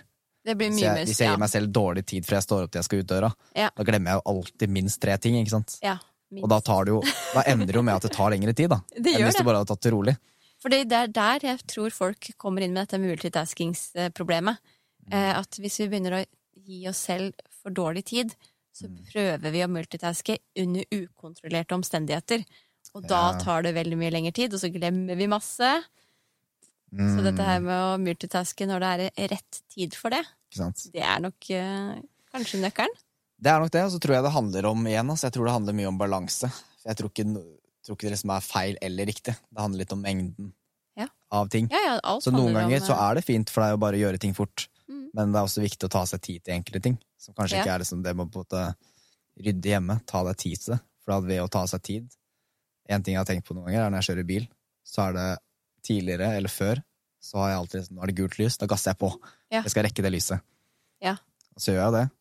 Holder på å krasje noen ganger. Nei, det er ikke så ille. Jeg gjør det trygt. Men, men det jeg har lagt merke til ved Oi, nå kom det gult lys, jeg bremser ned. Ja. Så er det på en måte ofte en fin tanke eller noe som dukker opp i den lille pausen. Ja. Og jeg står der og venter. Og Vet du hva jeg begynte å gjøre da? Nei. Jeg har begynt å tenke over hvordan sitter jeg i setet når det gule lyset kommer. Ja. Og så merker jeg ofte at jeg sitter fremoverlent. Og så det gule lyset minner meg på at jeg kan sette meg litt tilbake, tilba altså litt sånn tilbakeoverlent i, i setet. Fordi det signaliserer i kroppen vår at vi kan slappe av. Mm. Fordi vi er ofte liksom veldig på. Veldig Skal fremoverlent. dit. Skal, dit. frem. Ja. Jager det neste. ja. Og Eh, uten å være så bevisst over kroppen, egentlig. Og liksom, Ja, og dette med at ok, gult lys, det signaliserer for meg at jeg skal sjekke inn med kroppen min. Hvordan er det jeg egentlig sitter nå? den skal jeg ta med meg videre. Mhm. Det er fint. Det er et tegn til det, rett og slett. Ja. Nå kan du sjekke inn litt. Sjekke Fordi at nå. hvis du ser det gule lyset du gasser på, Ja. da er du mest sannsynlig ikke så veldig avslappa. Nei, da er du, da er du fremoverlent. Da er du fremoverlent. Ja. For jeg tar meg selv ofte i det. Liksom der, hvordan er egentlig skuldra nå? Ja, hvordan sitter jeg nå? Viktig å liksom bevisstgjøre seg selv litt. Det merker man merker kanskje det når du går turer i skogen òg. Ja. At det er lettere å være bevisst på pusten din, Ja. holdningen. Ja, og hvor er det jeg har hodet mitt? Mm. For jeg er jo veldig glad i å titte på blomster og ting og tang som er lavt. Men hva skjer egentlig når jeg ser opp? Hva, Mm. hva ser jeg da? Og da kan man jo plutselig oppdage fine solnedganger, ikke sant? sant? Fine fugler. Ja, fine fugler. Trær. Jeg ble så fascinert. I går så fant jeg fant en fugl som var grønn med rødt hode. Gjør du det? Eh, ja, og jeg vet Wow. eh, Jeg egentlig syns at fugler er interessante, men jeg er ikke sikker på om jeg har sett den før. Nei, ikke sant? Nei, jeg tror ikke jeg har sett noe grønn Den var grønnaktig med rødt hode. Wow. Nei, jeg er ikke noen fugleekspert, men jeg syns det er veldig fascinerende å se på. Men den hadde jeg ikke sett hvis ikke jeg hadde titta opp. ikke sant? Ja. Har, du, har du prøvd å klatre i trær noen gang? Ja, I ja. voksen alder? ja, jeg klatrer både i klatrevegg og i trær. Og... Gjør det? Ja da. Sjæl? Ja. Jeg klatrer buldrer Ja, buldrer, jeg har ikke gjort det på en stund nå. Nei, det er lenge siden jeg har gjort det, jeg også. Men jeg syns det er gøy. Jeg elsker å klatre i trær. Jeg føler at det er en sånn Da føler jeg at jeg får koble meg på på en ny måte. Ja. Jeg, så tenkte jeg det for noen år siden, hvorfor slutta jeg å klatre i trær? Jeg elska å gjøre det som barn. Og veldig Mm. Ja. ofte så føler jeg at det man liker å gjøre som barn, det er også det man liker å gjøre som voksen. Ja. Man blir sånn der, nei, nå er jeg voksen, nå skal jeg ikke leke. Nå skal jeg ikke ake. Nei, jeg har begynt å drive og slå hjul. Du har det, ja? Ja, i voksen alder. Kult. Ja, det gjør litt vondt. Gjør det, men det er, komfortsonen. det er veldig gøy. Ja. men det er, du blir sånn mer stiv i kroppen når du er voksen. Vet du. Ja, det er det. Ja. Det krever mer eh, vedlikehold. Ja, men jeg syns det er morsomt. Eller sånn, det er ikke noe farlig, men det er bare at jeg kjenner at å ja, jeg har blitt Ja, litt har du vært sånn akrobatisk når du var yngre? Nei, jeg fikk det aldri til. Jeg, det, nei? Nei, jeg har lært meg i voksen alder å slå hjul. Wow, Mm. aldri for sent. Nei. Nei. Men det også fant jeg at det har jeg hatt så lyst til. Hvorfor skal jeg ikke kunne lære meg det? Ikke sant? Jeg har fortsatt like lyst til det, ikke sant? Ja, men jeg føler at det er, altså det, jeg elsker det å bevare det indre barnet i seg. Jeg tror det er så viktig. Ja. Å kunne leke og kunne på en måte Det er derfor jeg elsker når jeg er i familieselskap. Ja. Jeg er Leke med med barna. Jeg er med Ja, ja. kidsa. Ja, lett. Ja. Jeg liker å, å kaste dem i sofaen og løpe og leke haren. Og, det er, Få ut litt energi. og så er det god unnskyldning, for hvis jeg ikke hadde hatt noen Hvis det ikke hadde vært noen yngre barn i familien, Ja. det hadde vært litt rart kanskje hvis jeg skulle gått alene. Nei, nå går jeg og leker, jeg. Jeg er 28 år, men jeg går og leker. Ja, ja. Så det er veldig fint å ha den som unnskyldning. Og så blir du Det er jo sånn det, Familieselskaper, det krever veldig mye oppmerksomhet, ikke sant? Og Absolutt. konsentrasjon og fokus og sosiale ferdigheter, og du blir ganske Mange forskjellige sliten. personligheter. Ja, og du skal sånn, ta inn alle disse inntrykkene. Mm. Eh, Dette med å flykte litt til barna, som er veldig De er autentiske, ikke sant? De er eh, bare seg sjøl. Ja, de er her og nå. Eh, Så får man en pause. En naturlig pause. Er det én ting jeg føler veldig mange voksne, inkludert meg selv, kan lære av barn, Mhm, så er det det å være i øyeblikket. mhm. Jeg observerer veldig ofte barna, at de er ikke så opptatt av å fortelle hva som skjedde på skolen, eller hva de skal fremover, eller Nei. sånn, herregud, vi er jo her og nå. Ja. Skal vi tenke på det? Kan vi ikke heller bare leke, liksom? Ja. Og det tror jeg er så viktig, det å trene seg på å fokusere på øyeblikket og være litt til stede. Mm. Og ikke liksom For da, da, da føler jeg at man eh, får en mye mer flyt i det man gjør, når man på en måte ikke De gangene jeg er mest i flyt, er jo når jeg ikke tenker på fortid eller framtid. Mm. Og fortid og framtid er jo på en måte mange måter Det er jo bare tanker, det er jo en Ja. illusjon. Ja. For det eneste som er ekte, er jo på en måte her og nå. Det er det. Men det er jo en treningssak som alt annet. Fordi Hvis man blir holdt igjen i fortiden, så er jo det veldig leit. Ikke sant? Da får man ikke nyttiggjort seg av det gullet som ligger her og nå.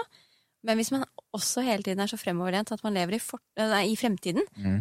så klarer man heller ikke å oppdage det som skjer her og nå, og verdsette og, og, og være takknemlig for de tingene som skjer her og nå. Helt klart. Jeg syns det er veldig Det er i hvert fall veldig god trening for meg Mm. å fokusere på ting man også er takknemlig for, for da er det lettere å huske på Mm. det i hverdagen nå. Og så bruke ordet takknemlighet. Absolutt. Ja, det er en superkraft. Mm. Generelt, det er kanskje en av mine viktigste teknikker for meg til å kunne bestemme hva jeg skal se mer av. Ja. Det er å skrive. Ja. Det, kan liksom, det kan enten være drømmer, det kan være tanker, det kan være takknemlighet. Mm. Fordi det er jo et faktum at det du setter fokus på, det ser du mer av. Det ser du mer av. Det betyr ikke at fokuser positivt, så blir du bare Det er alt positivt, det er ikke noe utfordringer. Det er ikke det det handler om, det er jo balanse. Ja. Men du vil se mer av det. Du vil se mer av det. Du ser mer av det du ser etter. Du gjør det. På samme måte som når noen du kjenner eh, kjøper en bil, eller du kjøper en ny bil, eller et eller annet, så ser du plutselig flere av den bilen. Ja. Det er ikke fordi alle hermer etter deg, eller dine, det er fordi du ser mer av det du fokuserer på. Ja. Så det med takknemlighet og det å skrive affirmations og sånne ting, Mm. det er virkelig undervurdert, føler jeg, hos flere. Det burde vi ta med oss. Det burde vi ta med oss. Mm. Nei, det er, eh, ja, nei, det er veldig fint. Uh, samme med drømmer også. Vi hadde jo litt om det i stad. Du også skriver ned i drømmer, gjør du ikke det? Jeg, eller det er ikke alltid jeg skriver ned drømmene mine, men jeg snakker om de. Du snakker Ja, om det. for jeg husker jo detaljert drømmene mine. Jeg har jo Mm, ofte tre til fire drømmer i løpet av en natt. ikke sant? Og du, Ja. har, og du har ikke skrevet det ned så ofte, men du bare husker det naturlig? Jeg husker alle sammen. Wow. Hver, eh, hver morgen husker jeg alle drømmene mine. Ja, ikke sant? Um, og så er det noen som gir mening, og så er det noen som jeg bare lar gå. Mm. Sånn, disse ga ikke Eller sånn, ikke nødvendigvis at de ikke ga mening, men at de var ikke interessante nok til at jeg gidder å gi dem oppmerksomhet. Eh, men det som ofte skjer, er at de kommer tilbake igjen. Så det er kanskje en mening i det? ja, Det er det er akkurat det. Fordi Kroppen bearbeider eh, mye informasjon og mye inntrykk når eh, jeg sover. Jeg syns drømmer er utrolig interessant. Jeg, Ja. jeg finner det helt fascinerende. Og det jeg merker ved For jeg skriver ned nesten alt, Mm. men nå kan jeg ikke gjøre det lenger. Sikkert kan ikke du heller, fordi hvis du skal skrive ned alt du drømmer, så blir du sittende i en time, liksom. Ja, det går ikke. Det går ikke. Men det jeg har oppdaget, Mm. som jeg syns er veldig interessant, hørt flere snakket om det tidligere, det er at jeg kan ha en sånn helt meningsløs drøm, tror jeg da. Mm. Bare tenker, Hva var det det der for noe? liksom? Ok, Jeg skriver det ned så detaljert jeg husker. Hva så jeg? Hvem var Mhm. der? Hvilket sted var det? Og så så jeg noen detaljer. Og så har jeg det i skriveblokka mi, og så går jeg tilbake det jeg har funnet ut nå. Når jeg går tilbake til drømmen jeg har skrevet for et halvt år siden, Mm. eller ett år siden, så skjønner jeg akkurat hva han prøvde å si. For da har jeg et større perspektiv på det, for da ser jeg meg selv et halvt år fram. Ja. Så jeg får et mye større perspektiv, og da, da tror jeg det blir lettere å bli kjent med seg selv om hvordan kroppen din prøver å kommunisere med deg. Ja. Eh, Helt enig med deg. og det, det, er, det er superinteressant. Uh, men jeg syns jo det er jo en helt, det er et annet univers, for det føles jo så ekte. Det er jo Du ligger og sover, og så har du på en måte, du er i et univers. Mhm. Jeg vet ikke om du har erfart lucid dreaming, eller hørt om det? eller... Nei, fortell gjerne litt. Lucid dreaming, altså at du blir bevisst i din egen drøm, og at du da kan kontrollere det. Oh, ja, jo, ja, men det gjør jeg. Ja. Du gjør det? ja, jeg gjør det hver, hele tiden. I natt Ah. avsluttet jeg en drøm fordi at eh, jeg syns eh, den ble litt ubehagelig. Ja, Det var nesten på kanten til det vi kaller et mareritt. Men så tenkte jeg sånn Nei, jeg er ikke så interessert i det her akkurat nå, så jeg velger å avslutte den drømmen. Du skjønte at du drømte? Ja, ja, men jeg vet at jeg drømmer. Wow. Alltid drømmer. Ja, men jeg løfta en bil og sånn. Jeg var litt sånn Tøffe, Ja, jeg var, litt jeg var litt sånn tøff og sånn. Men det er veldig interessant, da, fordi jeg, jeg måtte jobbe for å få det til. Oh, ja. Fordi dette her Jeg tror det er veldig vanlig å oppleve det for alle sånn Jeg visste ikke at det, hadde et, altså at det var et ord for det. Nei, ok. Nei, det, det, det visste ikke jeg for noen år siden heller, før Nei. jeg erfarte det. For jeg, etter jeg hadde skrevet ned mye drømmer. Ja. For det jeg føler man gjør når man skriver ned drømmer i våken tilstand, Ja. er at du kobler bevisstheten din til underbevisstheten din. Ja. For noen ganger kan det være litt slitsomt å skrive ned drømmer. Du føler at du trener hjernen, Det er jeg. veldig slitsomt. Ja. det jeg husker der, ikke sant? Så det er sånn at Du blir sånn sliten akkurat som å ta en treningsøkt bare for Ja. hjernen din. Ja. Men det jeg har merka, det er to ting. Det ene er at jeg blir mer bevisst over meg selv. Og på en annen, annen ting jeg merka, er at når jeg er i universiteten min, så har jeg begynt å ha liksom våkne drømmer. Altså at jeg drømmer, men skjønner at jeg ligger i senga. Og første gang jeg opplevde det, Ja. da var jeg sånn Å, hva er det her for noe? Så begynte jeg å søke det opp, og så var det sånn Jo, lucid dreaming, det er et konsept, liksom. Eller konsept. Jeg visste ikke at det het Altså, jeg visste ikke at det hadde et uh, Nei, okay. ord. Altså, jeg har jo bare tenkt at alle kan gjøre det. Men Å, så nei, fant jeg ut eh, en, eh, en gang eh, som jeg snakket med et eller annet menneske, da, så jeg bare Ja, men det er jo bare å gå ut av de drømmene, eller Det er jo sikkert eh, Du kan jo bare Kan du ikke bare gå til en annen drøm, da? Ja, ikke sant? Og de bare ah, ja. eh, Nei, det går ikke an å gå Du kan ikke bare velge å velge som, drømme ah, ja. noe annet. For jeg velger ofte hvilket tema jeg ønsker å drømme om. Mm -hmm. um, men det er det visst ikke alle som kan. Nei, det er det ikke. Og, og i mitt tilfelle så måtte jeg jobbe veldig mye for det, for at jeg fikk det jo ikke til senere.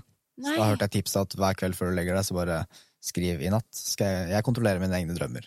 Jeg ble våken i min Ja. egen drøm. Ja, for jeg sier sånn I natt vil jeg drømme om Eller i natt skal jeg drømme om det, Sier jeg inni hodet mitt, da selvfølgelig ikke ut Men jeg sier det inni hodet mitt. Kul. I natt skal jeg drømme om dette Og så er det det jeg ofte drømmer om da. Og så kommer det. Det er ofte drøm 1 Og så kommer det mange sånne un underbevissthet-drømmer etterpå. Det, Men det, det føler jeg forklarer Jeg er ikke overraska over at du gjør det, for du, virker, du er en veldig bevisst person. Jeg tror, jeg tror det, det er litt kult, egentlig. Det er fordi jeg, jeg har sett flere som ikke liksom, har opplevd det. det Jeg har jo hørt folk som ikke drømmer Så blir jeg sånn Har du ingen drømmer? Altså, er det ingenting Er det ingen sånne rosa skyer? Eller noe sånne. Løfter Ingen ikke biler? løfter biler Ja. Ingenting Flyr du ikke, liksom? ja, ja Fly også. jo, Jeg kan masse. fly, masse, Ja, masse. Og det, er jo, det føles jo virkelig at det er eh, Ja. Nei, jeg syns det er veldig interessant. Og det er på en måte et tema jeg føler dukker opp flere og flere steder. At det er eh, flere som gjør det. Og jeg tror det er veldig mange fordeler ved å kunne gjøre det òg. Ved Ja. å på en måte skrive ned drømmene sine og sånne ting. For jeg tror du kan bli bevisst på en del ting som ikke er så lett å bli bevisst på i våken tilstand. Ja, men det, jeg tror at uh, særlig vi med ADHD trenger å bruke litt mer tid på å hvile. Fordi det er i hvile vi bearbeider informasjon, planlegger og organiserer oss. Uh, og hvis vi skal da bruke hele natta på dette, så kan det bli veldig strevsomt. Uh, sånn som du og jeg som har tid før vi sovner, som vi bevisst setter av til å bearbeide eh, informasjon som har kommet i løpet av dagen så har vi kanskje større muligheter til å være eh, altså kreativ utfoldelse i eh, drømmene. Da kan det komme mer sånne eh, Altså underbevisstheten kan jobbe mye mer, da. Mm. Eh, men det er en teori Det er bare noen løse tanker jeg har, Ja, eh, som jeg bare hm, hvordan, det eh, Hvilken mening, sammenheng eh, har dette med den virkelige verden? Det vet jeg Ja, nei, ikke. det er ikke godt å si. Eh, det er mye vi ikke vet. Men jeg syns det er kult å kunne måte manipulere det litt, fordi som jeg, som jeg har oppdaga noen ganger, er at hvis jeg er et mareritt og ikke liker de drømmene, så kan jeg lukke øynene. Så kan jeg se for meg en skog. Mm. Så åpner jeg opp, og så der er skogen. ja. Men i natt så våkna jeg, og så tenkte jeg sånn Hva var det her? Mm. Eh, og så måtte jeg tenke litt over saken, og så tenkte jeg ok, jeg har ikke egentlig lyst til å, å tenke så veldig mye mer over dette nå, Ja. så da sier jeg natta igjen, og så Ja, jeg meg til å sove igjen. Så drømte jeg noe helt annet, Mm. som eh, var mye mer nyttig for meg. Jeg tror drømmer kommer fra Ikke noe jeg veit, det er bare tanker, men jeg tror drømmer kommer fra forskjellige ting òg, på en måte. At det kan ene siden kan være at du bare drømmer om ting hodet trenger å press, eh, prosessere. Mhm. Og så føler jeg noen ganger at man kan få litt sånn tegn. Ja, også Altså tegn. fra liksom din høyere selv. Altså, jeg vet ikke hva Jeg, jeg, jeg er veldig sånn åpenfalt. Hva, Ja. Om det er Gud eller Source Energy eller et eller annet. Det er på en måte, Jeg føler det kan være samme ting. Jeg føler at vi kommer jo fra en energi, alle Ja. sammen. Men Vi er energi. vi er jo energi. Vi Mm. er jo det. Men noen ganger så føler jeg at du bare får en sånn viktig beskjed i en drøm. Mm. Komme Jeg hadde én drøm eh, Vi snakka litt om det med fasting i stad. Ja. Eh, Og det er noe som har hjulpet veldig mye for min både mentale og fysiske helse. Mm. Å gjøre det, for det har funka for meg. Og så var det en periode hvor jeg ikke gjorde det, for jeg falt litt ut av rutinen. Spiste frokost og spiste litt dårlig mat og sånne ting. Og da drømte jeg at jeg var i en ørken, og så kommer det en dame bort til meg Ja. og bare Du, det er viktig for deg at du tar de pausene med maten. At Ja. du holder de sånn som du har gjort, for det er veldig bra for uh, tarmsystemet ditt. Det er ting. bra for magen din, ja. Og så våkna jeg opp og så bare ok, jeg skal lytte til det. Det er greit. Ja, men du får, eh, får en sånn derre Å ja, ja, men det var jeg klar for å gjøre i dag. Mm. Ja, og da gjør man det. Da gjør man det. Nei, det er veldig interessant. Utrolig kult. Jeg tror det er viktig, og uansett hvem du er og hva slags utfordringer og ikke-utfordringer du har, så tror jeg det er viktig å være bevisst på seg selv og grave dypt, se litt innover noen ganger. Se innover. Se innover er veldig viktig. Men også gjøre hverandre bevisst på hva man føler, og ha litt åpenhet da, rundt uh, hva som Tørre å spørre andre. Tørre å spørre andre. Mm. Det kan være skummelt, Mm. men også spørre seg selv. Jeg føler det er en kraft òg, det å på en måte spørre seg selv spørsmål. Da føler jeg at det kan dukke opp svar. Ja, Hvis du skjønner hva jeg mener? Ja, ja. Sånn, hva er det egentlig, Hvorfor føler jeg det jeg føler nå? Ja. Og så sitte og observere litt. ok, Hva er det som dukker opp? Det Hva er, er jo på en det som måte, kommer? det er jo flere tanker, da. Det er jo veldig mye forskjellige tanker man har. Det blir jo på en måte dialoger Mm. noen ganger. Den indre dialogen. Indre dialogen, Ja. som vi alle har. Nei, jeg tror det er viktig. Pauser og sånne ting. Eh, jeg syns det har vært veldig interessant å ha deg som gjest. i dag. Jeg har lært veldig mye. Tusen takk for at jeg fikk være med, og tusen takk for at du, jeg fikk lov til å være med på dette tanketoget ditt. Altså denne assosiasjonsbaserte pratingen. Ja, Det liker jeg veldig godt. det gjør det. Ja, Ja, men Det er veldig hyggelig å høre. Anne Det var helt herlig å være med. Jeg gleder meg til å høre gjennom episoden en gang til, for jeg tror jeg har mye å lære Ja. eh, av deg. Så det er veldig interessant. Jeg håper I også like måte. At uh, våre kjære lyttere også har tatt og henta noe inspirasjon og noe kunnskap. Jeg føler, jeg føler det er veldig viktig det å Viktig, viktig. Jeg føler at alle sitter med noen kunnskaper som andre har behov for. Skjønner du hva jeg mener? Lære av hverandre. Jeg, jeg tror ikke helt på den at uh, jeg sitter med en endelig fasit, og sånn er det. Nei, det er da vi, når du begynner å åpne opp for det, at vi har noe å lære av alle menneskene rundt oss, så har vi mye større mulighet til å utvikle oss selv. Uten Og jeg syns det er så fint, fordi vi møter på mange mennesker i livet, Mm. og så er det mange, noen mennesker kanskje er litt ugreie, behandler oss ikke godt. Okay. Men dette med å tørre å sette det litt i perspektiv og tenke ok, hva var det jeg lærte av dette? Eh, Istedenfor å, å kanskje være bitter da, for at du havnet i en relasjon med noen som ikke var ålreite. Jeg er veldig takknemlig for eh, altså, Som du sier her, da. Jeg er veldig takknemlig for de tidligere som ikke var greie mot meg, på en måte. Ja. For jeg føler at det ga meg en styrke i ettertid. Mm. Det er kanskje vanskeligere å se det der og da, men det å akkurat som du sier, jeg tror man kan lære noe av absolutt alle Mm. som man møter på sin vei i livet. Enten det er en fem år gammel gutt eller jente, eller om det er en 70 år gammel eh, mann eller kvinne. Ja. Jeg tror ikke det har så mye å si, fordi alle har noen perspektiver som ingen andre har. Det er en unik styrke, og ikke minst en unik styrke vi har sammen til å kunne lære, utvikle oss, mm. og ikke minst hjelpe hverandre. For vi er jo team, da. Vi er et team. Ja, det. Vi er en stor familie. Det, det var veldig hyggelig å få være med. Tusen takk, Anne Marte, og takk for at du er den du er. Setter pris på at du eh, Åh. deler kunnskap og gjør det fra, et, eh, fra en god intensjon. Håper jeg du fortsetter med. Takk i like måte. lykke til med alt du driver med. Jeg tror eh, det blir veldig morsomt å fortsette den reisen her. Jeg tror jeg. Gleder meg til å se hva som skjer fremover. Takk for oss. Takk for oss.